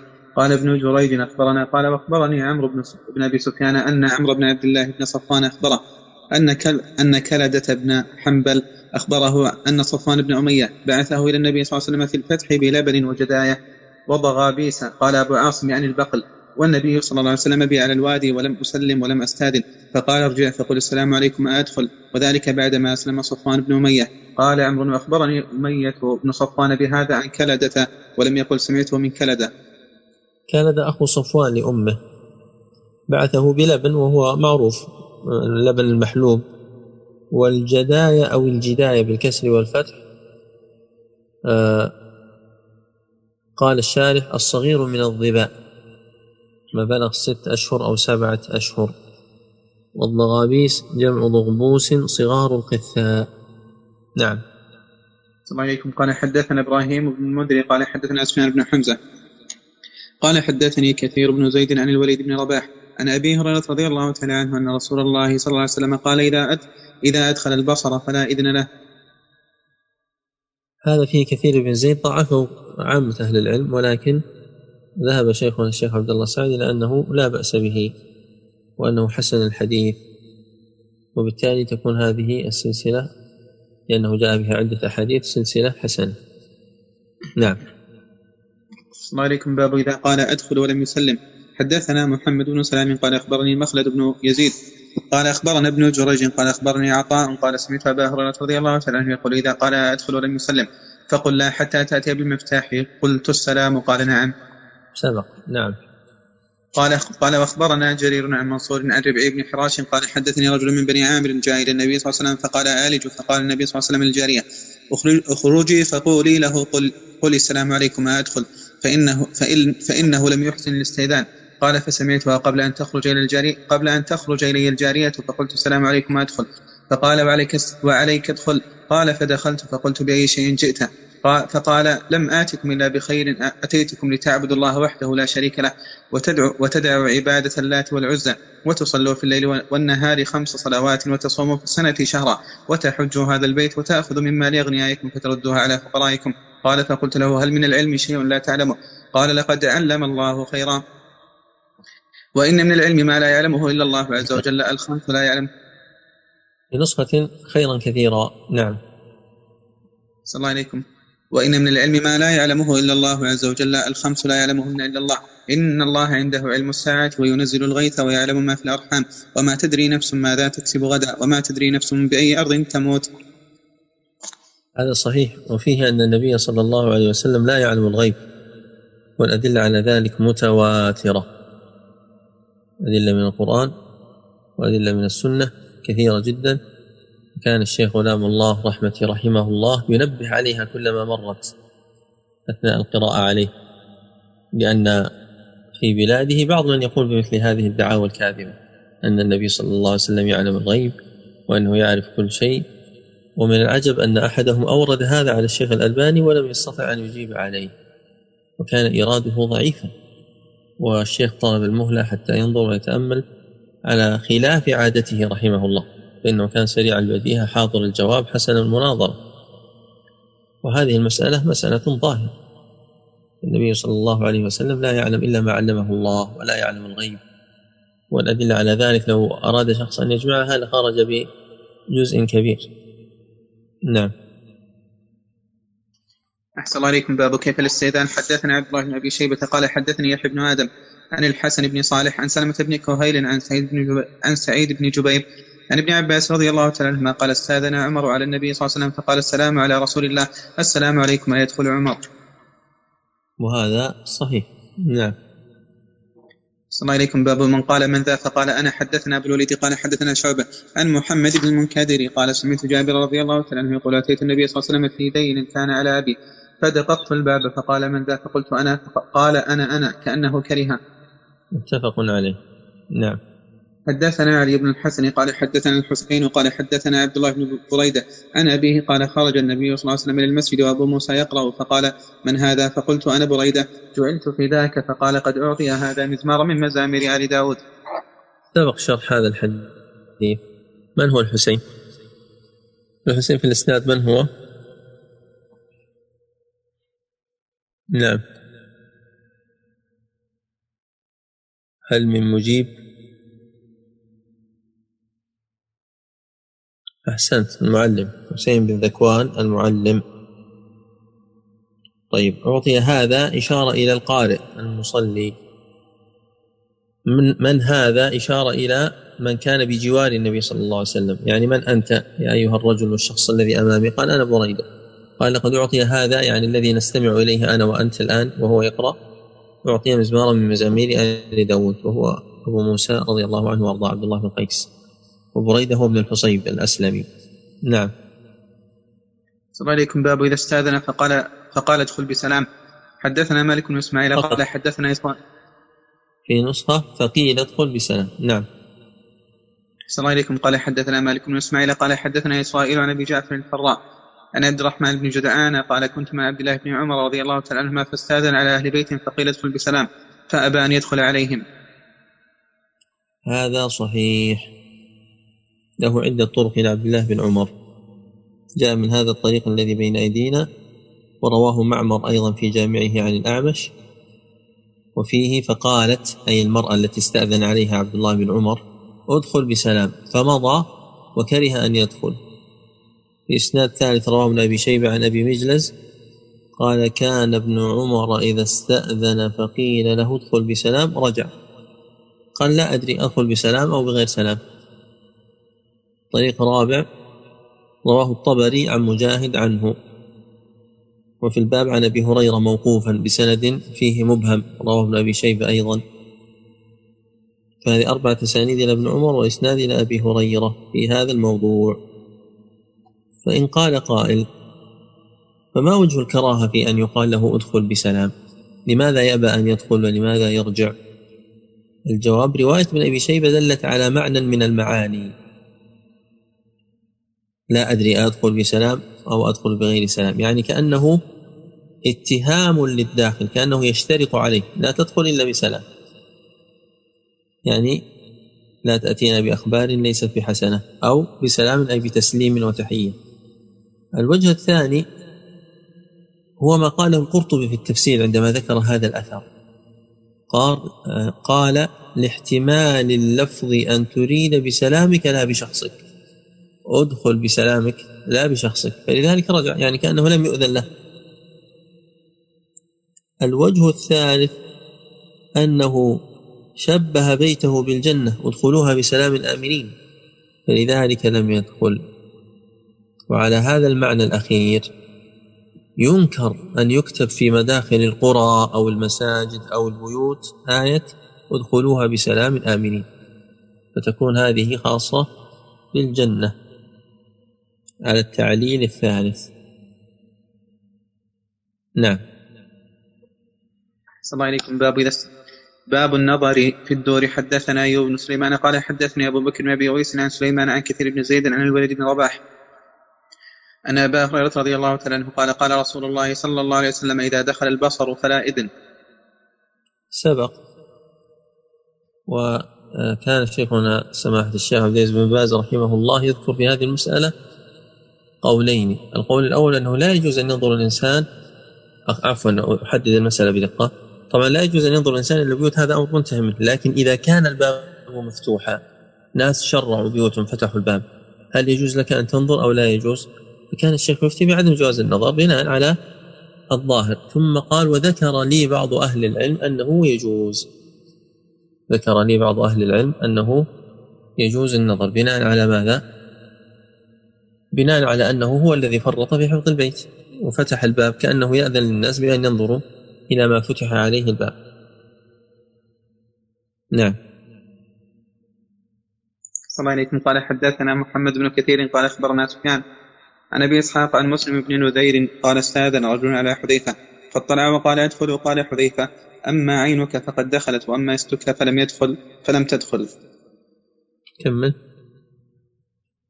وقال رجل أستاذن على أمي قال إن لم تستاذن رأيت ما يسوءك. سبق. نعم.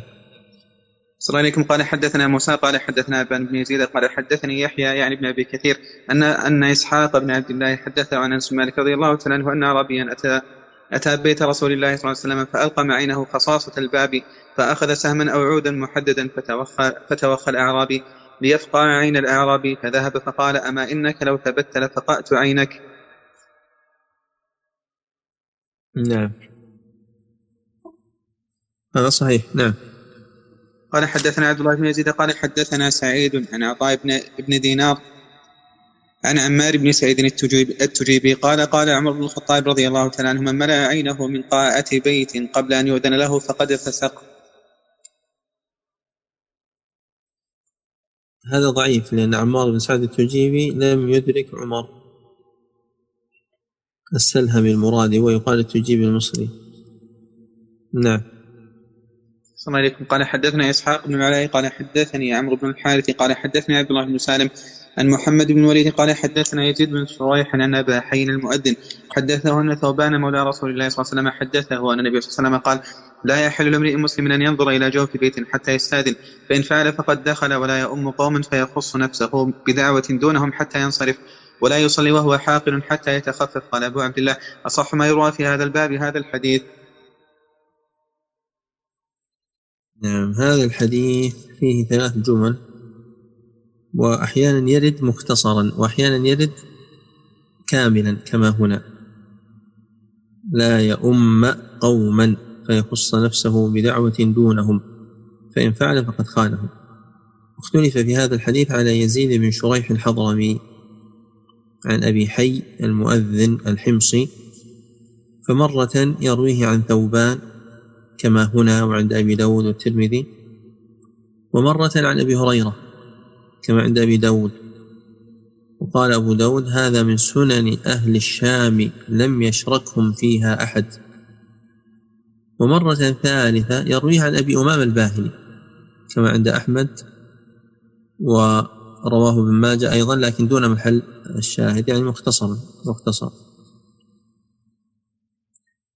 ومرة عن ثوبان قلنا ثوبان وما ذكرنا ثوبان هو الأول لا يعني مرة ثوبان ومرة أبو هريرة ومرة أبو أمامة وهو ضعيف لاضطرابه وغرابته ومخالفته أيضا. أما الاضطراب فهو واضح مما سبق. وأما الغرابة فإن مداره على يزيد. وأما المخالفة فإنه فإنه معارض لأحاديث صحيحة كثيرة. مثل حديث اللهم باعد بيني وبين خطاياي كما بعدت بين المشرق والمغرب. هذا متفق عليه من حديث أبي هريرة. حديث علي في صحيح مسلم وجهت وجهي للذي فطر السماوات. ليس فيه وجهنا وجوهنا. اللهم باعد بيننا. فاختلف أهل العلم. منهم من قال يجمع بين هذه الأحاديث. فالقول الأول في الجمع هو ما ذهب إليه ابن تيمية مع أنه لم يجزم بصحة الحديث. قال إن صح يعني هذا الحديث الذي معنا فإن هذا يحمل على الدعاء الذي يؤمن عليه المأموم حينئذ لا يخص الإمام نفسه بالدعاء يعني مثل قنوت الوتر. وكلامه في هذا موجود في مجموع الفتاوى بطوله لمن أراده. وهذا الجواب ذكره أيضا ابن حجر. ابن حجر اعترض على شخص لا ندري من هو شخص قال بأن هذا الحديث موضوع فاعترض عليه ابن حجر. وقال يمكن الجمع وذكر نحو ما ذكر ابن تيمية كما في النكت له. وكذلك السخاوي ذكر هذا الجواب. وهناك وجه آخر وهو أن هذا الحديث الذي فيه النهي ضعيف فلا حاجة للجمع. ويقول صاحب هذا القول يجوز للإمام أن يدعو لإفراد الضمير. وهذا ما ذهب إليه ابن خزيمة. بوب على ذلك في صحيحه وأشار للأحاديث في هذا. فابن خزيمة مما ذهب إلى تضعيف هذا الحديث وإعلاله. هناك من عكس الأمر وعمل بهذا الحديث مطلقا ولم يلتفت إلى الأحاديث التي فيها الإفراد في الدعاء وهو إسحاق. نسبه إليه ابن رجب في فتح الباري. الراجح أن هذا حديث ضعيف وإن كان من أهل العلم من حسنه لكن هذا التحسين لنا معه وقفة لأنه ليس على ظاهره فيما يبدو. البزار قال إسناده حسن يحمل على أن إسناده حسن كما قال يعني هو يريد تحسين الحديث لكنه نقل عن شعبة أنه كان يستحسن هذا الحديث. المراد والله أعلم باستحسانه ليس لأنه حديث حسن ولكن بمعنى الغرابة لأن الحديث الحسن يطلق أحيانا بمعنى الغرابة. وقل مثل ذلك في قول المصنف هنا أصح ما يرى في هذا الباب هذا الحديث هذا لا يلزم منه الصحة. لأن قد قد يقال ماذا؟ أصح شيء كذا وهو ضعيف وذاك أضعف. وكذلك الترمذي قال هذا أجود وأشهر. هذا لا يستلزم الصحة أو الجودة. نعم. صلى الله عليكم. باب فضل من دخل بيته. بسلام حدثنا هشام بن عمار قال حدثنا صدقة بن خالد قال حدثنا أبو حفص عثمان بن أبي العتيكة قال حدثني سليمان بن حبيب المحاربي أنه سمع أبا أمامة قال؟ قال النبي صلى الله عليه وسلم ثلاثة كل كلهم ضامن على الله إذا إن عاش كفي وإن مات دخل الجنة. من دخل بيته بسلام فهو ضامن على الله عز وجل ومن خرج إلى المسجد فهو ضامن على الله عز وجل. ومن خرج في سبيل الله فهو ضامن على الله عز وجل. جاء عن أنس يا بني إذا دخلت على أهلك فسلم يكون بركة عليك وعلى أهل بيتك. هذا رواه الترمذي. طيب حديث أنس فيه ضعف لأن الترمذي استغربه أيضا لكن هذا الحديث الحكم عليه مبني على الحكم على عثمان بن أبي عاتكة. في التهذيب كلام كثير عن عثمان. هناك من وثق هناك من ضاعف ولذلك الشيخ الألباني يصحح هذا الحديث. الشيخ عبد الله السعدي يرى تضعيفه وهذا مبني على الحكم على عثمان. نعم. السلام عليكم. قال حدثنا محمد بن مقاتل قال أخبرنا عبد الله قال أخبرنا ابن جريج قال أخبرني أبو الزبير أنه سمع جابر رضي الله تعالى عنه يقول, يقول إذا دخلت على أهلك فسلم عليهم تحية من عند الله مباركة طيبة.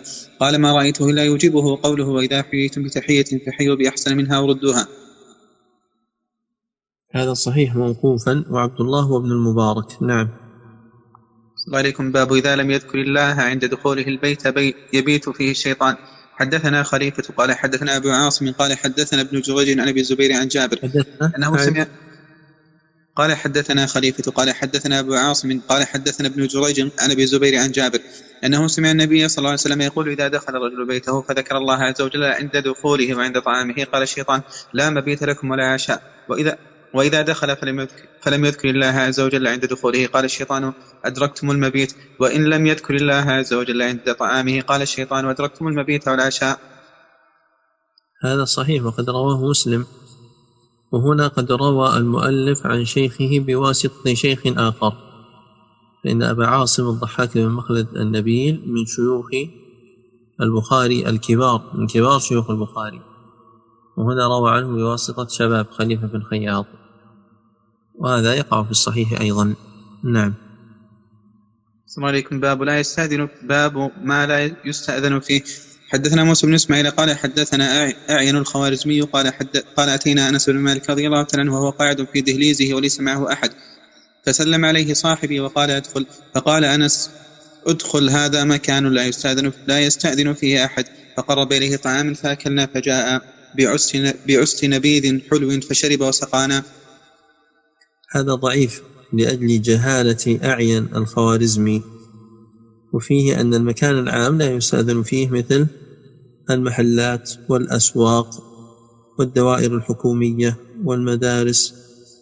ومع ذلك لو استأذن الإنسان قبل أن يدخل على شخص أغلق على نفسه محلة فهذا أفضل لكن لا يجب. ولذلك ذكر التوبيب الذي بعده فقال السلام عليكم. باب الاستئذان في حوانيت السوق. حدثنا أبو نعيم قال حدثنا سفيان عن ابن عون. عن مجاهد قال كان ابن عمر رضي الله تعالى عنهما لا يستأذن على بيوت السوق. هذا صحيح. نعم. قال حدثنا أبو حفص قال حدثنا أبو حفص بن علي قال حدثنا الضحاك بن مخلد عن ابن جريج عن عطاء قال كان ابن عمر يستأذن في ظلة البزاز. وهذا أيضا صحيح. جاء في مصنف أبي شيبة عن أحد السلف أنه استأذن في مثل هذا. فقال له المستأذن عليه أنه لا يستأذن في مثل هذا قال ربما يخلو الإنسان مع ماله يعني يريد أن يعد ولا يريد أن يراه أحد. نعم والضحاك بن مخلد هو أبو عاصم الذي سبق فهنا أيضا روى عنه بواسطة أخرى. نعم. وعليكم باب كيف يستأذن على الفرس. حدثنا عبد الرحمن بن مبارك قال حدثنا عبد الوارث قال حدثنا علي بن العلاء الخزاعي عن أبي عبد الملك مولى أم مسكين بنت عاصم بن عمر بن الخطاب قال أرسلتني مولاتي إلى أبي هريرة رضي الله تعالى عنه فجاء معي. فلما قام بالباب قال أندرايم قالت أندرون. فقال يا أبا هريرة إنه يأتيني أز الزور بعد العتمة فأتحدث. قال تحدثي ما لم توتري فإذا أوترت فلا حديث بعد الوتر. هذا ضعيف. أبو عبد الملك مولى أم مسكين مجهول. وأندرانيم وأندرون يعني أدخل أدخل. وليس هناك تعليق للكلام بالوتر. قد يوتر الإنسان في أول الليل ويتكلم بعد ذلك. وقد يوتر في آخر الليل ولا يتكلم في الأمر فيه ساعة. ليس هناك تعليق للكلام بالوتر. نعم.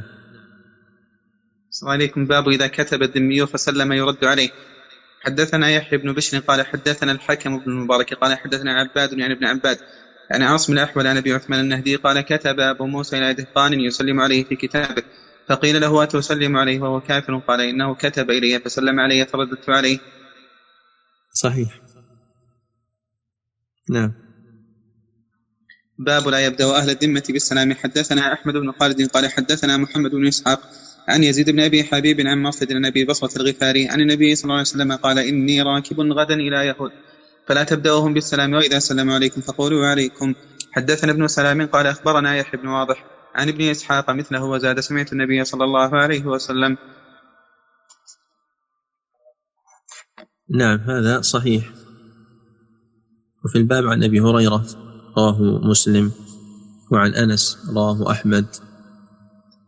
وعدم بداءتهم بالسلام هو قول عمر بن عبد العزيز ومالك وأحمد.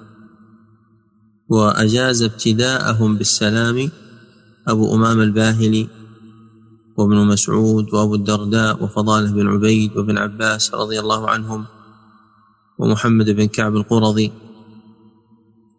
وفي رد السلام الأصل هو أن يقولوا عليكم ولكن من, من أهل العلم قال إنه يرد عليه السلام تاما إذا سلم تاما مثل ما سبق عن أبي موسى. كتب يسلم ردا لذلك الدهقان. وابن طاووس له وجهة نظر. قال إذا سلم عليك اليهودي أو النصراني فقل علاك السلام ما تقول وعليكم السلام تقول علاك السلام أي ارتفع عنك السلام ابن عبد البر لم يعجبه ذلك. قال هذا لا وجه له مع ما ثبت عن النبي صلى الله عليه وسلم وقال أيضا لو جاز مخالفة الحديث إلى الرأي في مثل هذا لاتسع في ذلك القول وكثرت المعاني. كل إنسان يأتي بشيء من عنده ويستحسن الفاظ لكنه قال مثل قول ابن طاووس من يقول في الرد على أهل الكتاب قل وعليكم السلام بالكسر. لأن السلام هي الحجارة. قال ابن عبد البر هذا غاية في الضعف. لماذا؟ لأنه لم يبح لنا أن نشتمه ابتداء. هو سلم تشتمه. هذا ظلم. إما أن تسكت وإما أن تقول عليكم كما ورد في السنة. أما هذه الاجتهادات فلا فلا حاجة لها. السلام بالفتح التحية والسلام بالكسر الحجارة كما ذكر. بقي السلام بالضم. ما هو؟ بدا فحيا بالسلام. رمى عذولي بالسلام. أشار نحوي بالسلام بكفه المخضب. إذا السلام في كفه. بالفتح لفظ المبتدي والكسر صخر الجلمد والضم عرق في اليد قد جاء في قول النبي. نعم. السلام عليكم. قال حدثنا موسى قال حدثنا وهيب قال حدثنا سهيل. عن أبيه عن أبي هريرة رضي الله تعالى عنه عن النبي صلى الله عليه وسلم قال أهل الكتاب لا تبدأوهم بالسلام واضطروهم إلى ضيق الطريق. رواه مسلم. نعم. باب من سلم على ذمي إشارة حدثنا صدقة قال أخبرنا حفص بن غياث عن عاصم عن حماد عن إبراهيم عن علقمة قال إنما سلم عبد الله على الدهاقين إشارة. هذا الإسناد صحيح. عبد الله هو ابن مسعود. نعم. عفوا هذا الإسناد حسن لأجل عاصم بن نجود. نعم. السلام عليكم. قال حدثنا عمرو بن عاصم قال حدثنا همام قال حدثنا قتادة. عن أنس رضي الله تعالى عنه قال مر يهودي على النبي صلى الله عليه وسلم فقال السلام عليكم. فرد أصحابه السلام. فقال قال السلام عليكم. فأخذ اليهودي فاعترف فقال ردوا عليه ما قال. يعني يقول السلام عليك مثل ما قال. وجزاء سيئة سيئة مثلها وهذا رواه مسلم. نعم. صلى الله عليكم. باب كيف الرد على أهل الذمة؟ حدثنا إسماعيل قال حدثني مالك بن عبد الله بن دينار.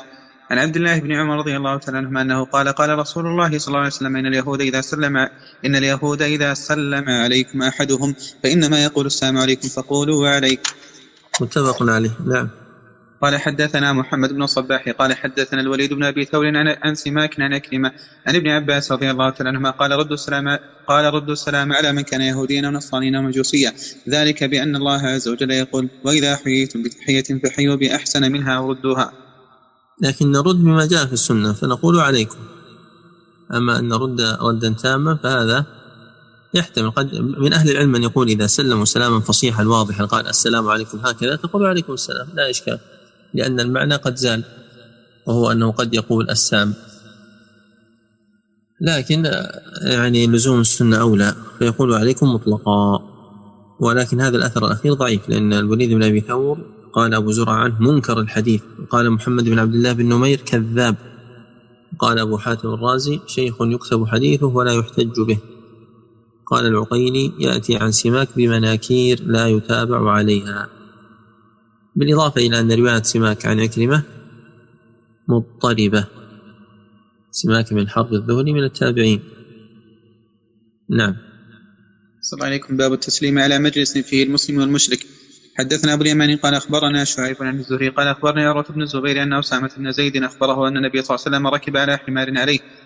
ركب على حمار عليه كاف على قطيفة فدكية وأردف أسامة بن زيد وراءه يعود على يعود سعد بن عبادة حتى مر بمجلس فيه عبد الله بن أبي بن سلول وذلك قبل أن يسلم عبد الله. فإذا فإذا في المجلس أخلاط من المسلمين والمشركين وعبدة الأوثان فسلم عليهم. هذا متفق عليه وعلقنا عليه بالأمس ولكن هنا تعليق آخر وهو هل أسلم عبد الله بن أبي بن سلول؟ كيف يقال قبل أن يسلم؟ ألم يكن رأس المنافقين في عهد النبي صلى الله عليه وسلم؟ فأي إسلام يقصد هذا الراوي؟ أحسنت الإسلام الظاهر الإسلام ظاهرا يعني قبل أن يظهر الإسلام. وفي بعض النسخ قبل أن يسلم عدو الله. زيادة رضي الله عنه في طبعة ابن الجوزي هذه فيها نظر يبدو أنها من الطابع. قطعا هي من الطابع لأن النسخ الأخرى ليس فيها ترضي عن عبد الله بن أبي نعم. السلام عليكم. باب كيف يكتب إلى أهل الكتاب. حدثنا أبو اليمان قال أخبرنا شعيب عن الزهري قال أخبرني عبيد الله بن عبد الله بن عتبة أن عبد الله بن عباس رضي الله تعالى عنهما. أخبره أن أبا سفيان بن ابن حرب أخبره. قال أرسل إليه هرقل, هرقل ملك الروم ثم دعا بكتاب رسول الله صلى الله عليه وسلم الذي بعث به مع دحية الكلب إلى عظيم بصرى فدفعه إلى هرقل فقرأه فإذا فيه بسم الله الرحمن الرحيم. من محمد عبد الله ورسوله إلى هرقل عظيم الروم. سلام على من اتبع الهدى أما بعد. فإني يدعوك بدعاية الإسلام أسلم تسلم يؤتك الله أجرك مرتين. فإن توليت فإن, فإن عليك إثم الأريسيين. ويا أهل الكتاب تعالوا إلى كلمة سواء بيننا وبينكم إلى قوله اشهدوا بأننا مسلمون. هذا متفق عليه. وفيه جواز أخذ الشاهد من أثناء الآية. لأن الآية قل يا أهل الكتاب والنبي صلى الله عليه وسلم ما قال قل وإنما امتثل هذا الأمر فقال ويا أهل الكتاب. وأبو اليمان هو الحكم بن نافع البهراني وقد اختلطت عليه أحاديث شيخه شعيب بن أبي حمزة لأن منها ما أجازه إجازة مناولة ومنها ما سمعه ومنه ما قرأه عليه شعيب. فسأل الإمام أحمد ماذا يصنع بها؟ كيف يرويها؟ وقد اختلطت فأمره أن يقول فيها جميعا أخبرنا كما قال هنا. نعم. السلام عليكم. باب إذا قال أهل الكتاب السلام عليكم. حدثنا محمد بن سلام قال أخبرنا مخلد قال أخبرنا ابن جريج قال أخبرني أبو الزبير أنه سمع جابر رضي الله تعالى عنه يقول سلم ناس من اليهود على النبي صلى الله عليه وسلم فقالوا السلام عليكم. فقال وعليكم فقالت عائشة رضي الله تعالى عنها وغضبت. ألم تسمع ما قالوا؟ قال بلى قد رددت عليهم نجاب عليهم ولا يجابون فينا. صحيح نعم.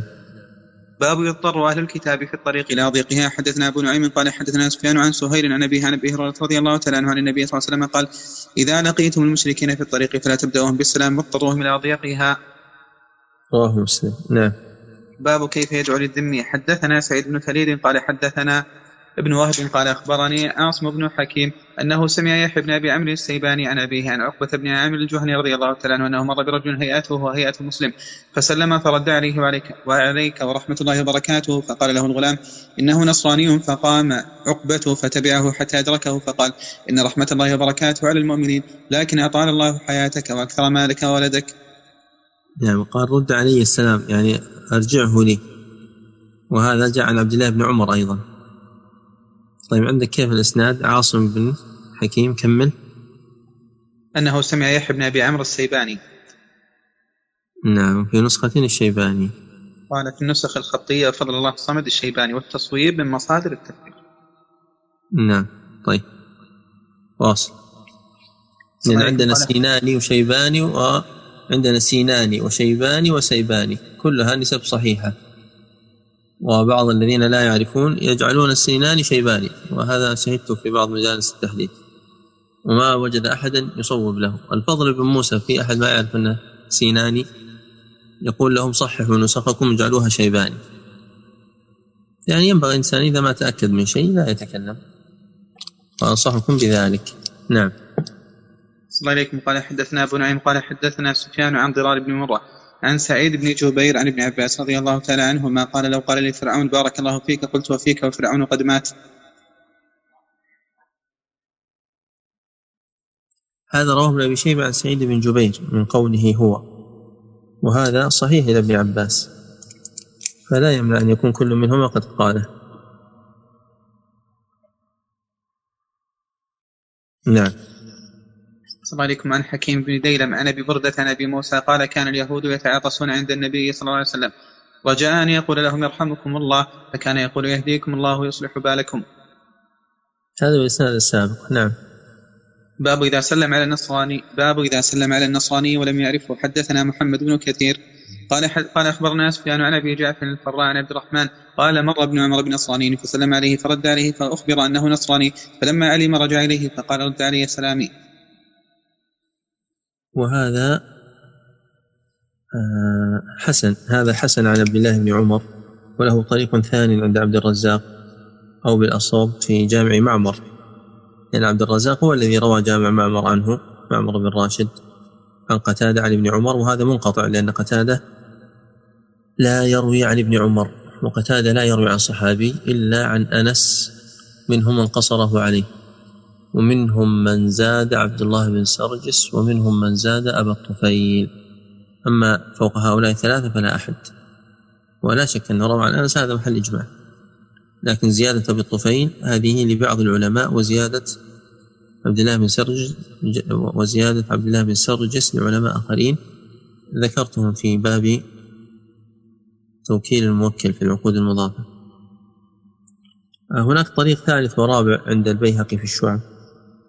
عن ابن وهب عن عبد الله بن عمر عن نافع وعن ابن وهب عن السري عن سليمان التيمي عن ابن عمر. فهو ثابت عن عبد الله بن عمر. ومعناه أنه سلم بالغلط على النصراني فقال له رد عليه السلام يعني أرجع إلي سلام السابق. وهذا كما سبق جاء عن عقبة بن عامر أيضا وإسناده حسن. وذهب الإمام مالك إلى أنه لا يستقيله إذا سلم عليه كما في الموطأ. وينظر لمن أراد الفائدة القبس لابن عبد البر. 23 15 هذا حسب طبعة موسوعة شروح الموطأ. أنا الآن لا أدري ما الذي فيه لكن ينظر. نعم. السلام عليكم. باب إذا قال فلان يقرئك السلام. حدثنا أبو نعيم قال حدثنا زكريا قال سمعت عامرا يقول حدثني أبو سلمة. قال حدثني أبو سلمة بن عبد الرحمن أن عائشة رضي الله تعالى عنها حدثته أن النبي صلى الله عليه وسلم قال لها جبريل يقرا يقرأ عليك السلام. فقالت وعليه السلام ورحمة الله. صحيح. نعم. باب جواب الكتاب. حدثنا علي بن حجر قال أخبرنا شريك عن العباس بن ذريح عن عامر عن ابن عباس رضي الله تعالى عنهما قال إني لارى لجواب الكتاب حقا كرد السلام. وهذا حسن لكن الإسناد الذي معنا فيه شريك وهو ضعيف. وجاء بإسناد آخر في شعب الإيمان للبيهقي ليس فيه شريك. فهو حسن ونقول في مثل هذا حسن لغيره يعني بالنظر لهذا الإسناد هو حسن لغيره. قد رواه أيضا ابن أبي شيبة وابن سعد وجاء مرفوعا إلى النبي صلى الله عليه وسلم عند القضاء في مسند الشهاب ولكنه لا يصح هو بهذا الإسناد وهو ضعيف ومعنى ذلك أن الإنسان لو كتب لك سلام في رسالة السلام عليكم ورحمة الله وبركاته فإن عليك أن ترد. إما أن تقول وعليكم السلام ورحمة الله وبركاته بلفظك وإما أن تكتب له وعليكم السلام ورحمة الله وبركاته. لأن هنا لأن ابن عباس قال حقا. هذا الجواب حق. وقد يقول قال إذا رددت أنت بلفظك ولم يسمع فكيف يكون ذلك ردا عليه؟ نقول هذا مثل حديث كعب بن مالك في حديث التوبة أنه كان يسلم على النبي صلى الله عليه وسلم يقول فلا أدري أحرك شفتيه برد السلام علي أو لا. نقول يعني قد يقول قال أن هذا خاص بكعب لأنه في مثل هذه الحالة كان مأمور بهجره نقول الاستدلال يحصل بماذا؟ بأن هذا الشيء وهو واجب رد السلام قد يحصل الوجوب أقصد امتثال الوجوب بالدعاء. ولا شك أن الأفضل هو أن يكتب يكتب الرد. نعم. أحسن الله إليكم باب الكتابة إلى النساء وجوابهن. حدثنا ابن رافع قال حدثنا أبو سامة قال حدثني موسى بن عبد الله قال حدثتنا عائشة بنت طلحة قالت قلت لعائشة وأنا في حجرها وكان الناس يأتونها من كل مصر فكان الشيوخ ينتابوني لمكان منها وكان الشباب يتأخوني فيهدون إلي ويكتبون إلي من الأمصار. فأقول لعائشة يا خالة هذا كتاب فلان وهديته؟ فتقول لي عائشة أي بنية فأجيبيه وأتي به فإن لم يكن عندك ثواب فأعطيتك فقالت فتعطيني هذا حسن. موسى بن عبد الله بن إسحاق بن طلحة بن عبيد الله. تكون عائشة عمته. من عائشة بنت طلحة. يعني عمة أبيه عمته.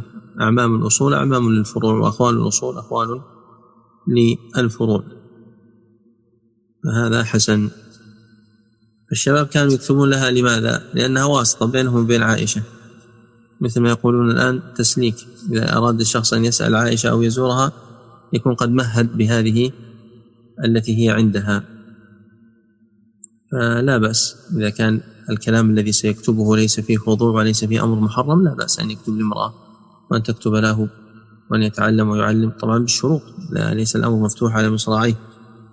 قال تعالى قرن في بيوتكن ولا تبرجن تبرج الجاهلين ولا تخضعن بالقول فيطمع الذي في قلبه مرض. وقلن قولا معروفا. نعم. صلى الله عليكم. باب كيف يكتب صدر الكتاب. حدثنا إسماعيل قال حدثني مالك. عن عبد الله بن دينار ان عبد الله بن عمر رضي الله تعالى عنهما كتب إلى عبد الملك بن مروان يبايعه فكتب إليه بسم الله الرحمن الرحيم. لعبد الملك ب... لعبد الملك يا أمير المؤمنين من عبد الله بن عمر سلام عليك فإني أحمد إليك الله الذي لا إله إلا هو وأقر لك بالسمع والطاعة على سنة الله عز وجل وسنة رسوله صلى الله عليه وسلم فيما استطعت. هو كتب في البداية على السنة من عبد الله بن عمر إلى عبد الملك فقالوا له إنه ما يقبل مثل هذا هذا خليفة. كيف تخاطب الخليفة وتبدأ بنفسك؟ فهو رأى أن من المصلحة أن يفعل ذلك لأن هذا ليس فيه تحريم. ليس أمرا واجبا وإنما الأفضل أن يبدأ الإنسان بنفسه. وكانت عادة والدينا شيخنا رحمه الله أن يفعل ذلك. يقول من عبد العزيز بن باز إلى فلان وفلان حتى لو أرسل لملك رحمه الله. نعم. صلى الله عليكم. باب أما بعد. حدثنا قبيصة قال حدثنا سفيان عن زيد بن أسلم قال أرسلني أبي إلى ابن عمر فرأيته يكتب بسم الله الرحمن الرحيم أما بعد. هذا صحيح. نعم. حدثنا روح بن عبد المؤمن قال حدثنا أبو أسامة عن هشام بن عروة قال رأيت رسائل قال رأيت رسائل من رسائل النبي صلى الله عليه وسلم كلما انقضت قصة. قال أما بعد. هذا صحيح إلى هشام بن عروة وهي وجادة صحيحة. هشام تابعي لأن بعض الناس يظن هشام من أتباع التابعين. نعم. الله عليكم. باب باب صدر الرسائل. بسم الله الرحمن الرحيم. حدثنا إسماعيل بن أبي ويس قال حدثنا ابن أبي الزناد عن أبيه عن خارجة بن زيد عن كبراء آل زيد بن ثابت. أن زيد بن ثابت رضي الله تعالى عنه كتب بهذه بهذه الرسالة. بسم الله الرحمن الرحيم. لعبد الله لعبد الله معاوية أمير المؤمنين. من زيد بن ثابت سلام عليك أمير المؤمنين ورحمة الله وبركاته. فإني أحمد إليك الله الذي لا إله إلا هو أما بعد. هذا سبق أنه حسن. نعم. حدثنا محمد الأنصاري قال حدثنا أبو مسعود الجريري وقال سأل رجل الحسن عن قراءة بسم الله الرحمن الرحيم. قال تلك صدور الرسائل. حسن. أو صحيح. نعم. باب بمن يبدأ في الكتاب. حدثنا قتيبة قال حدثنا يحيى بن زكريا عن ابن عون عن نافع. قال كانت لابن عمر حاجة إلى معاوية فأراد أن يكتب إليه فقالوا ابدأ به فلم يزالوا به حتى كتب بسم الله الرحمن الرحيم إلى معاوية. نعم أراد أن يبدأ بنفسه. وببي وإيش؟ أراد أن يبدأ بنفسه فقالوا ابدأ به. يعني معنى الكلام أراد أن يكتب إليه فأراد أن يبدأ بنفسه في الكتاب فيكتب من عبد الله بن عمر إلى معاوية. قالوا ابدأ به. فلم يزالوا به حتى كتب مثل ما أرادوا. وقد يكون هذا هو الذي أردته قبل قليل عندما قلت إلى عبد الملك. نعم. صلى الله عليكم. عن ابن عون عن أنس بن سيرين قال كتبت لابن عمر فقال اكتب بسم الله الرحمن الرحيم أما بعد إلى فلان. يعني أملى علي بن عمر وأن أكتب. كتب له يعني كتب رسالة بأمره. نعم. وعن ابن عون عن أنس بن سيرين قال كتب رجل بين يدي ابن عمر بسم الله الرحمن الرحيم لفلان فنهاه ابن عمر وقال قل بسم الله هو له. وجه النهي كان البسملة لفلان وإنما هي للكاتب. نعم.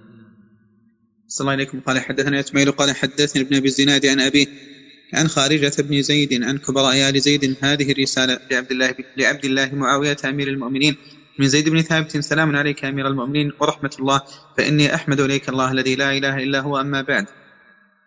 هذا سبق أنه رواه البيهقي وابن أبي شيبة وجزأه المؤلف في عدة مواطن. نعم. صلى الله عليكم. قال حدثنا موسى قال حدثنا أبو عوانة. قال حدثنا عمر عن أبيه عن أبي هريرة رضي الله تعالى عنه قال أنه سمعه يقول قال النبي صلى الله عليه وسلم إن رجلا من بني إسرائيل وذكر الحديث وكتب إليه صاحبه من فلان إلى فلان. عمر بن أبي سلمة بن عبد الرحمن بن عوف الزهري اختلف فيه. فالذهبي لم يذكر له إلا ثلاثة أحاديث وصحح له الترمذي حديثين. قال البخاري صدوق إلا أنه يخالف في بعض حديثه فبسبب الاختلاف فيه يكون هناك تردد في الحكم على أحاديثه. فينبغي مراعاة المتون ومراعاة كل متن على حدة. ومع مع كون الأصل هو الحسن. لا يصل الحديث إلى درجة الصحة. وقد ينزل إلى درجة الضعف. قد ينزل. نعم. أحسن الله عليكم باب كيف أصبحت حدثنا أبو نعيم قال حدثنا ابن الغسيل.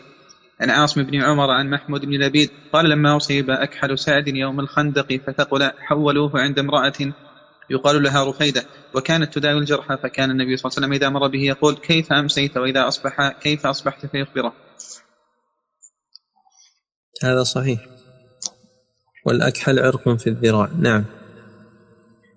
صلى الله عليكم قال حدثنا يحيى قال حدثنا إسحاق بن يحيى الكلبي قال حدثنا زهري قال أخبرني عبد الله بن كعب بن مالك الأنصاري قال وكان كعب قال وكان كعب بن مالك أحد الثلاثة الذين تيب عليهم. أن ابن عباس رضي الله تعالى عنهما أخبره أن علي بن أبي طالب رضي الله عنه خرج من عند رسول الله صلى الله عليه وسلم في وجعه الذي توفي فيه. فقال الناس يا أبا الحسن كيف أصبح رسول الله صلى الله عليه وسلم؟ قال أصبح بحمد الله بارئا. قال فأخذ عباس بن عبد المطلب بيده فقال أرأيتك؟ فأنت والله فأنت والله بعد ثلاث عبد العصا وإني والله لأرى رسول الله صلى الله عليه وسلم سوف يتوفى في مرضه هذا. إني أعرف وجوه بني عبد المطلب عند الموت فاذهب بنا إلى رسول الله صلى الله عليه وسلم فلنسأله في من هذا الأمر. فإن كان فينا علمنا ذلك وإن كان في غيرنا كلمناه فأوصى بنا فقال علي إنا والله إن سألناه فمنعناها لا يعطيناها الناس بعده أبدا. وإني والله لا أسألها رسول الله صلى الله عليه وسلم أبدا. رواه المصنف في صحيحه أيضا. نعم. صلى الله عليكم. باب باب من كتب آخر الكتاب. السلام عليكم ورحمة الله وكتب فلان ابن فلان لعشر بقين من الشهر حدثنا ابن أبي مريم قال أخبرنا ابن أبي الزناد قال حدثني أبي أنه أخذ هذه الرسالة من خارجة بن زيد ومن كبراء آل زيد بسم الله الرحمن الرحيم. لعبد الله معاوية أمير المؤمنين. من زيد بن ثابت سلام عليك أمير المؤمنين ورحمة الله ورحمة الله. فإني أحمد إليك الله الذي لا إله إلا هو أما بعد فإنك تسألني عن ميراث الجد والإخوة فذكر الرسالة ونسأل الله الهدى والحفظ والتثبت في أمرنا كله. ونعوذ بالله أن نضل أو نجهل أو نكلف ما ليس لنا به علم. والسلام عليك والسلام عليك أمير المؤمنين ورحمة الله وبركاته ومغفرته وكتب وهيب يوم الخميس لثنتي عشرة بقيت من رمضان سنة 42 سنة 42 طيب هذا لعله أطول قدر نقله من هذه الرسالة وهي كما ترون في الفرائض. ولذلك هي أقدم من بعض الرسائل أو الكتابات التي وجدت فيما يتعلق بالفرائض. لا شك أن هذه أقدم من تلك. وقوله لعشر بقين من الشهر هذا من باب التمثيل. والحكم عليه قد سبق. نعم. الله عليكم. باب كيف باب كيف أنت؟ حدثنا إسماعيل قال حدثني مالك عن إسحاق بن عبد الله بن أبي طلحة عن أنس بن مالك رضي الله تعالى عنه أنه سمع عمر الخطاب رضي الله عنه وسلم عليه رجل فرد السلام ثم سأل عمر الرجل كيف أنت؟ فقال أحمد أحمد الله إليك فقال عمر هذا الذي أردت منك. صحيح. رواه مالك. نعم. باب كيف يجيب إذا قيل له كيف أصبحت؟ حدثنا أبو عاصم عن عبد الله بن مسلم عن سلمة المكي عن جابر بن عبد الله رضي الله تعالى عنهما قيل قال قيل للنبي صلى الله عليه وسلم كيف أصبحت؟ قال بخير من قوم لم يشهدوا جنازة ولم يعودوا مريضا. هذا حديث ضعيف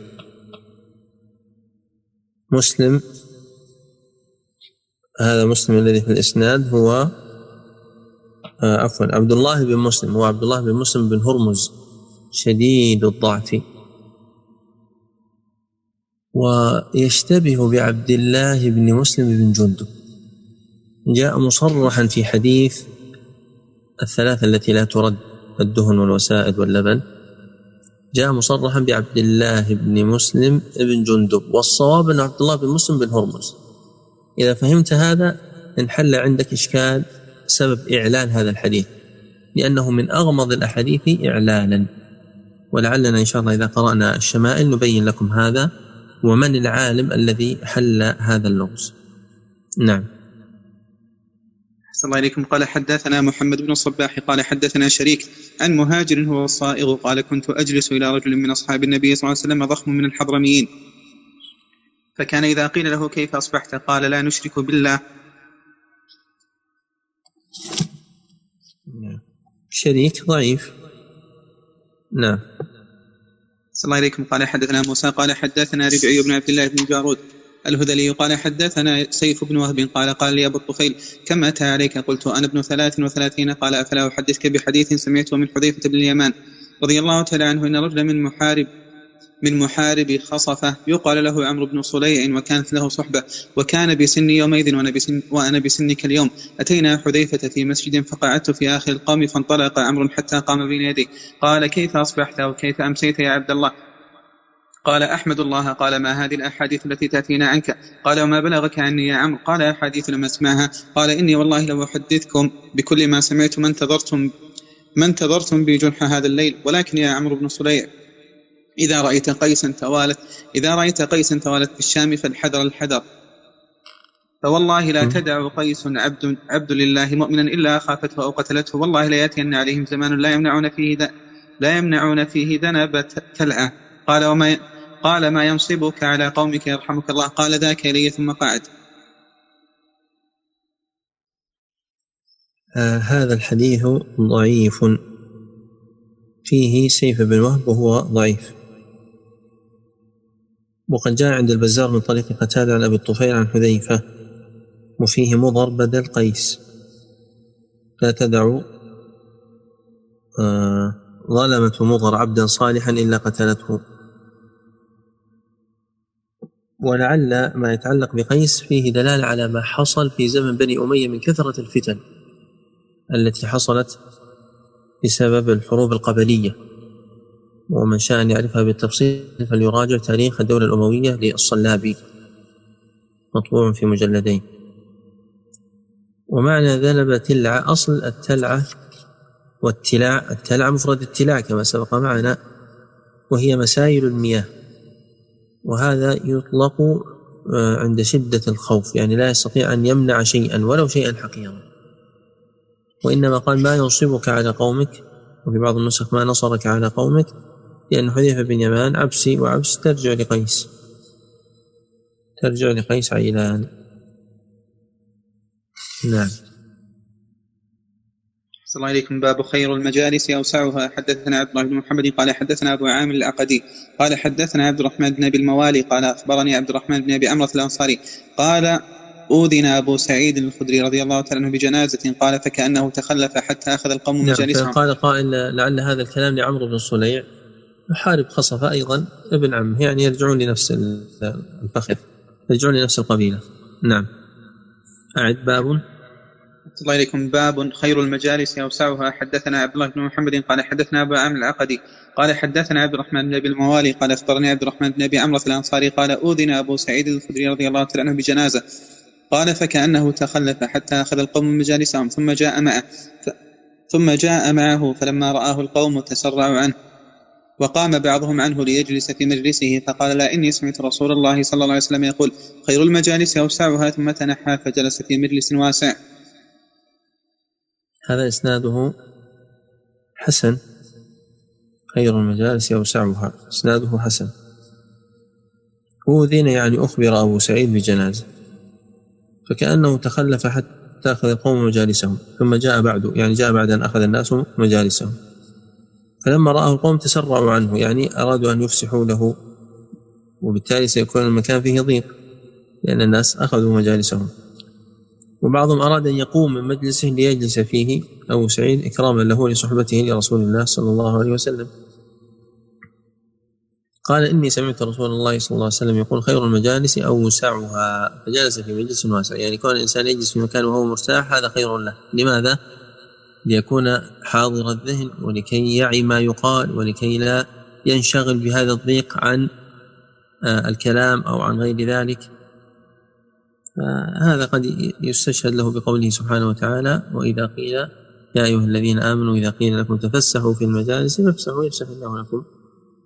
وإذا قيل انشزوا فانشزوا يعني إذا قيل قوموا وارتفعوا فقوموا.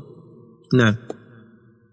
السلام عليكم. باب استقبال القبلة. حدثنا عبد الله بن صالح قال حدثنا حرملة بن عمران عن سفيان بن منقذ عن أبيه قال كان أكثر جلوس عبد الله بن عمر رضي الله تعالى عنهما وهو مستقبل القبلة وهو مستقبل للقبلة فقرأ يزيد بن عبد الله بن قصيط سجدة بعد طلوع الشمس فسجد وسجدوا إلا عبد الله بن عمر. فلما طلعت الشمس حل عبد الله حبوته ثم سجد وقال ألم ترى سجدة أصحابك إنهم سجدوا في غير حين الصلاة؟ آه نعم هذا إسناده فيه ضعف وأخرجه عبد الرزاق بسند لا بأس به دون موضع الشاهد. نعم. صلى الله عليكم باب إذا قام ثم رجع إلى مجلسه. حدثنا خالد بن مخلد قال حدثنا سليمان بن بلال قال حدثني سهيل عن أبيه عن أبي هريرة رضي الله تعالى عنه عن النبي صلى الله عليه وسلم قال إذا قام أحدكم من مجلسه ثم رجع إليه فهو أحق به. رواه مسلم. نعم. باب الجلوس على الطريق. حدثنا محمد بن سلام قال أخبرنا أبو خالد الأحمر عن حميد عن عن أنس رضي الله تعالى عنه قال أتانا رسول الله صلى الله عليه وسلم ونحن صبيان فسلم علينا ثم أرسلني في حاجة وجلس في الطريق ينتظرني حتى رجعت إليه. قال أبطأت. قال فأبطأت على أم سليم فقالت ما حبسك؟ فقلت بعثني النبي صلى الله عليه وسلم في حاجة. قالت ما هي؟ قلت إنها سر. قالت فاحفظ سر رسول الله صلى الله عليه وسلم. الصلاة والسلام. متفق عليه. نعم. باب التوسع في المجال في المجلس. حدثنا الحميدي قال حدثنا ابن عيينة قال حدثنا عبد الله بن عمر عن نافع عن ابن عمر رضي الله تعالى عنهما قال قال النبي صلى الله عليه وسلم لا يقيمن أحدكم الرجل من مجلسه ثم يجلس فيه ولكن تفسحوا وتوسعوا. متفق عليه. الحميدي هو عبد الله بن الزبير المكي المتوفى سنة 219 وهو من أوثق الناس في سفيان بن عيينة ويكاد يكون مسنده مسند سفيان بن عيينة لأن عامة روايته عنه. نعم. السلام عليكم. باب باب يجلس الرجل حيث انتهى. حدثنا محمد بن الطفيل قال حدثنا شريك عن سماك عن جابر بن سمرة رضي الله تعالى عنه قال كنا إذا أتينا النبي صلى الله عليه وسلم جلس أحدنا حيث حيث انتهى. آه، شريك وإن كان ضعيفا لكنه متابع. نعم. أحسن الله إليكم. باب لا يفرق بين اثنين. حدثنا إبراهيم بن موسى قال حدثنا الفرات بن خالد عن أسامة بن زيد عن عمرو بن شعيب عن أبيه عن جد عن أبيه عن عبد الله بن عمرو رضي الله تعالى عنهما أن النبي صلى الله عليه وسلم قال لا يحل لرجل أن يفرق بين اثنين إلا بإذنهما. هذا حسن لغيره. الحسن لأنه من سلسلة عمرو بن شعب النبي عن جده ولغيره لأن أسامة بن زيد ضعيف. فما هو ذلك الغير؟ هو ما عند أبي داود من رواية عامر الأحول متابعا لأسامة. نعم. أحسن الله إليكم. باب يتخطى إلى صاحب المجلس. حدثنا بيان بن عمرو قال حدثنا النضر قال أخبرنا أبو عامر المزني هو صالح بن رستم عن ابن أبي مليكة عن ابن عباس رضي الله عنهما قال لما طعن عمر رضي الله عنه كنت في من حمله حتى أدخلناه الدار فقال لي ابن أخي اذهب فانظر من أصابني ومن أصاب معي فذهبت فجئت لأخبره فإذا البيت ملآن فكرهت أن أتخطى رقابهم وكنت حديث السن فجلست وكان يأمر إذا أرسل أحدا بالحاجة أن يخبره بها وإذا هو مسجن وجاء كعب فقال والله لئن دعا أمير, أمير المؤمنين ليبقينه الله ولا يرفعنه لهذه الأمة حتى يفعل فيها كذا وكذا. حتى ذكر المنافقين في من ذكر قلت أبلغه ما تقول. قال ما قلت إلا وأنا أريد أن تبلغه فتشجعت فقمت فتخطيت رقابهم حتى جلست عند رأسه. قلت إنك أرسلتني بكذا وأصاب معك كذا ثلاثة عشر. وأصاب كليبا الجزار وهو يتوضأ عند المهراس وإن كعبا يحلف بالله بكذا. فقال ادعو كعبا فدعي فقال ما تقول؟ قال أقول كذا وكذا. قال لا والله لا أدعو. ولكن شقي عمر إن لم يغفر الله له. هذا ضعيف. فيها أبو عامر المزني ضعفه يحيى ومن معين والدار قطني. ووثقه أبو داود الطيالسي. وممن ضعف أبو حاتم الرازي. فصالح بن رستم أبو عامر المزني ضعيف. وهذا الأثر في قصة طعن عمر ضعيف. لكن بعض أحداث هذا الأثر قد جاء في صحيح البخاري. بعض الألفاظ التي فيه. في نسخة حتى ذكر المنافقين فسمى وكنا عندك فتخطيته نعم. فتخطيت نعم. قال وقعت في النسخ نعم. الخطية فتخطأت. والمثبت طيب. منها وتاريخ دمشق. كعب هذا هو كعب بن ماتع الحميري. وهو كعب الأحبار. نعم. توفي سنة 34 وقد أسلم في عهد عمر وكان حبرا من أحبار اليهود قبل أن يسلم. نعم. أحسن الله عليكم قال حدثنا محمد بن سلام قال أخبرنا عبدة عن ابن أبي خالد عن الشعبي قال جاء رجل إلى عبد الله بن عمرو رضي الله تعالى عنهما وعنده وعنده القوم جلوس يتخطى إليه فمنعوه قال فقال اتركوا الرجل. فجاء حتى جلس إليه فقال أخبرني بشيء سمعته من رسول الله صلى الله عليه وسلم. قال سمعت رسول الله صلى الله عليه وسلم يقول المسلم من سلم المسلمون من لسانه ويده والمهاجر من هجر ما نهى الله عنه. متفق عليه. نعم. صلى الله عليكم باب أكرم الناس على الرجل جليسه. حدثنا أبو عاصم قال حدثنا السائب بن عمر قال حدثني عيسى بن موسى عن محمد بن عباد بن جعفر قال قال ابن عباس رضي الله تعالى عنهما أكرم الناس علي جليسي. عيسى بن موسى مجهول. نعم. صلى الله عليكم. قال حدثنا أبو نعيم عن عبد الله بن مؤمل عن ابن أبي مليكة عن ابن عباس رضي الله تعالى عنهما قال أكرم الناس علي جليسي أن يتخطى رقاب الناس حتى يجلس إلي. عبد الله بن مؤمل ضعيف. نعم. الله عليكم. باب هل يقدم الرجل رجله بين يدي جليسه؟ حدثنا محمد بن عبد العزيز قال حدثنا أسد بن موسى قال حدثنا معاوية بن صالح قال حدثني أبو زاهريه قال حدثني كثير بن مرة قال دخلت المسجد يوم الجمعة فوجدت عوف بن مالك الأشجعي جالسا في حلقة مد رجليه بين يديه فلما رآني قبض رجليه ثم قال لي تدري لأي شيء مددت رجلي؟ ليجيء رجل صالح فيجلس. يحجز عن المكان. وهذا إسناده حسن. جاء في بعض الكتب أسد بن موسى السنة. هو لقبه أسد السنة معروف بهذا.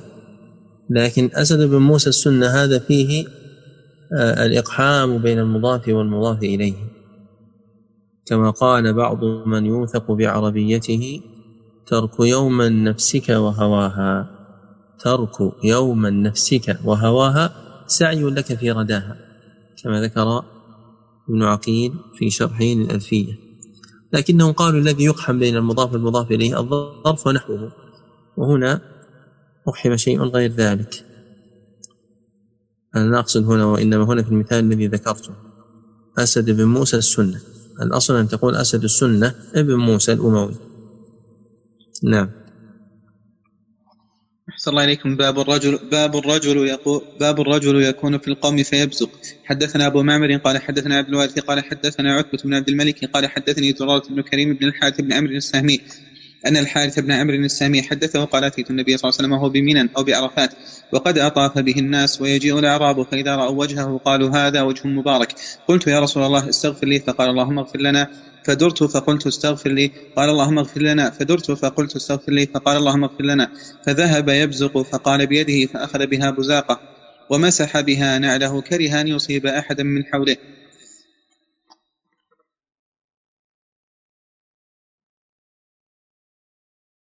عتبة بن عبد الملك السهمي البصري.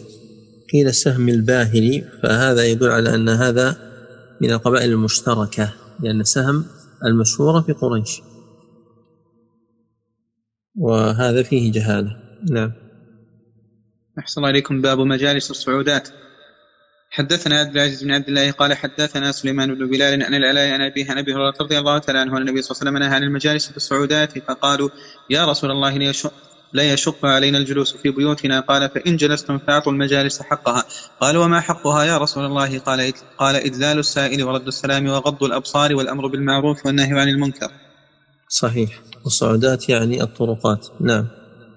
قال حدثنا محمد بن عبيد بن عبيد الله. قال حدثنا الدراوردي عن زيد بن أسلم عن عطاء بن يسار عن أبي سعيد الخدري رضي الله تعالى عنه أن النبي صلى الله عليه وسلم قال إياكم الجلوس والجلوس في الطرقات. قالوا يا رسول الله ما لنا بد من مجالسنا نتحدث فيها فقال رسول الله صلى الله عليه وسلم أما إذا أبيتم فأعطوا الطريق حقه. قالوا وما حق الطريق يا رسول الله؟ قال غض البصر وكف الأذى والأمر بالمعروف والنهي عن المنكر. متفق عليه ونختم المجلس بهذا وصلى الله وسلم على نبينا محمد وعلى آله وأصحابه أجمعين.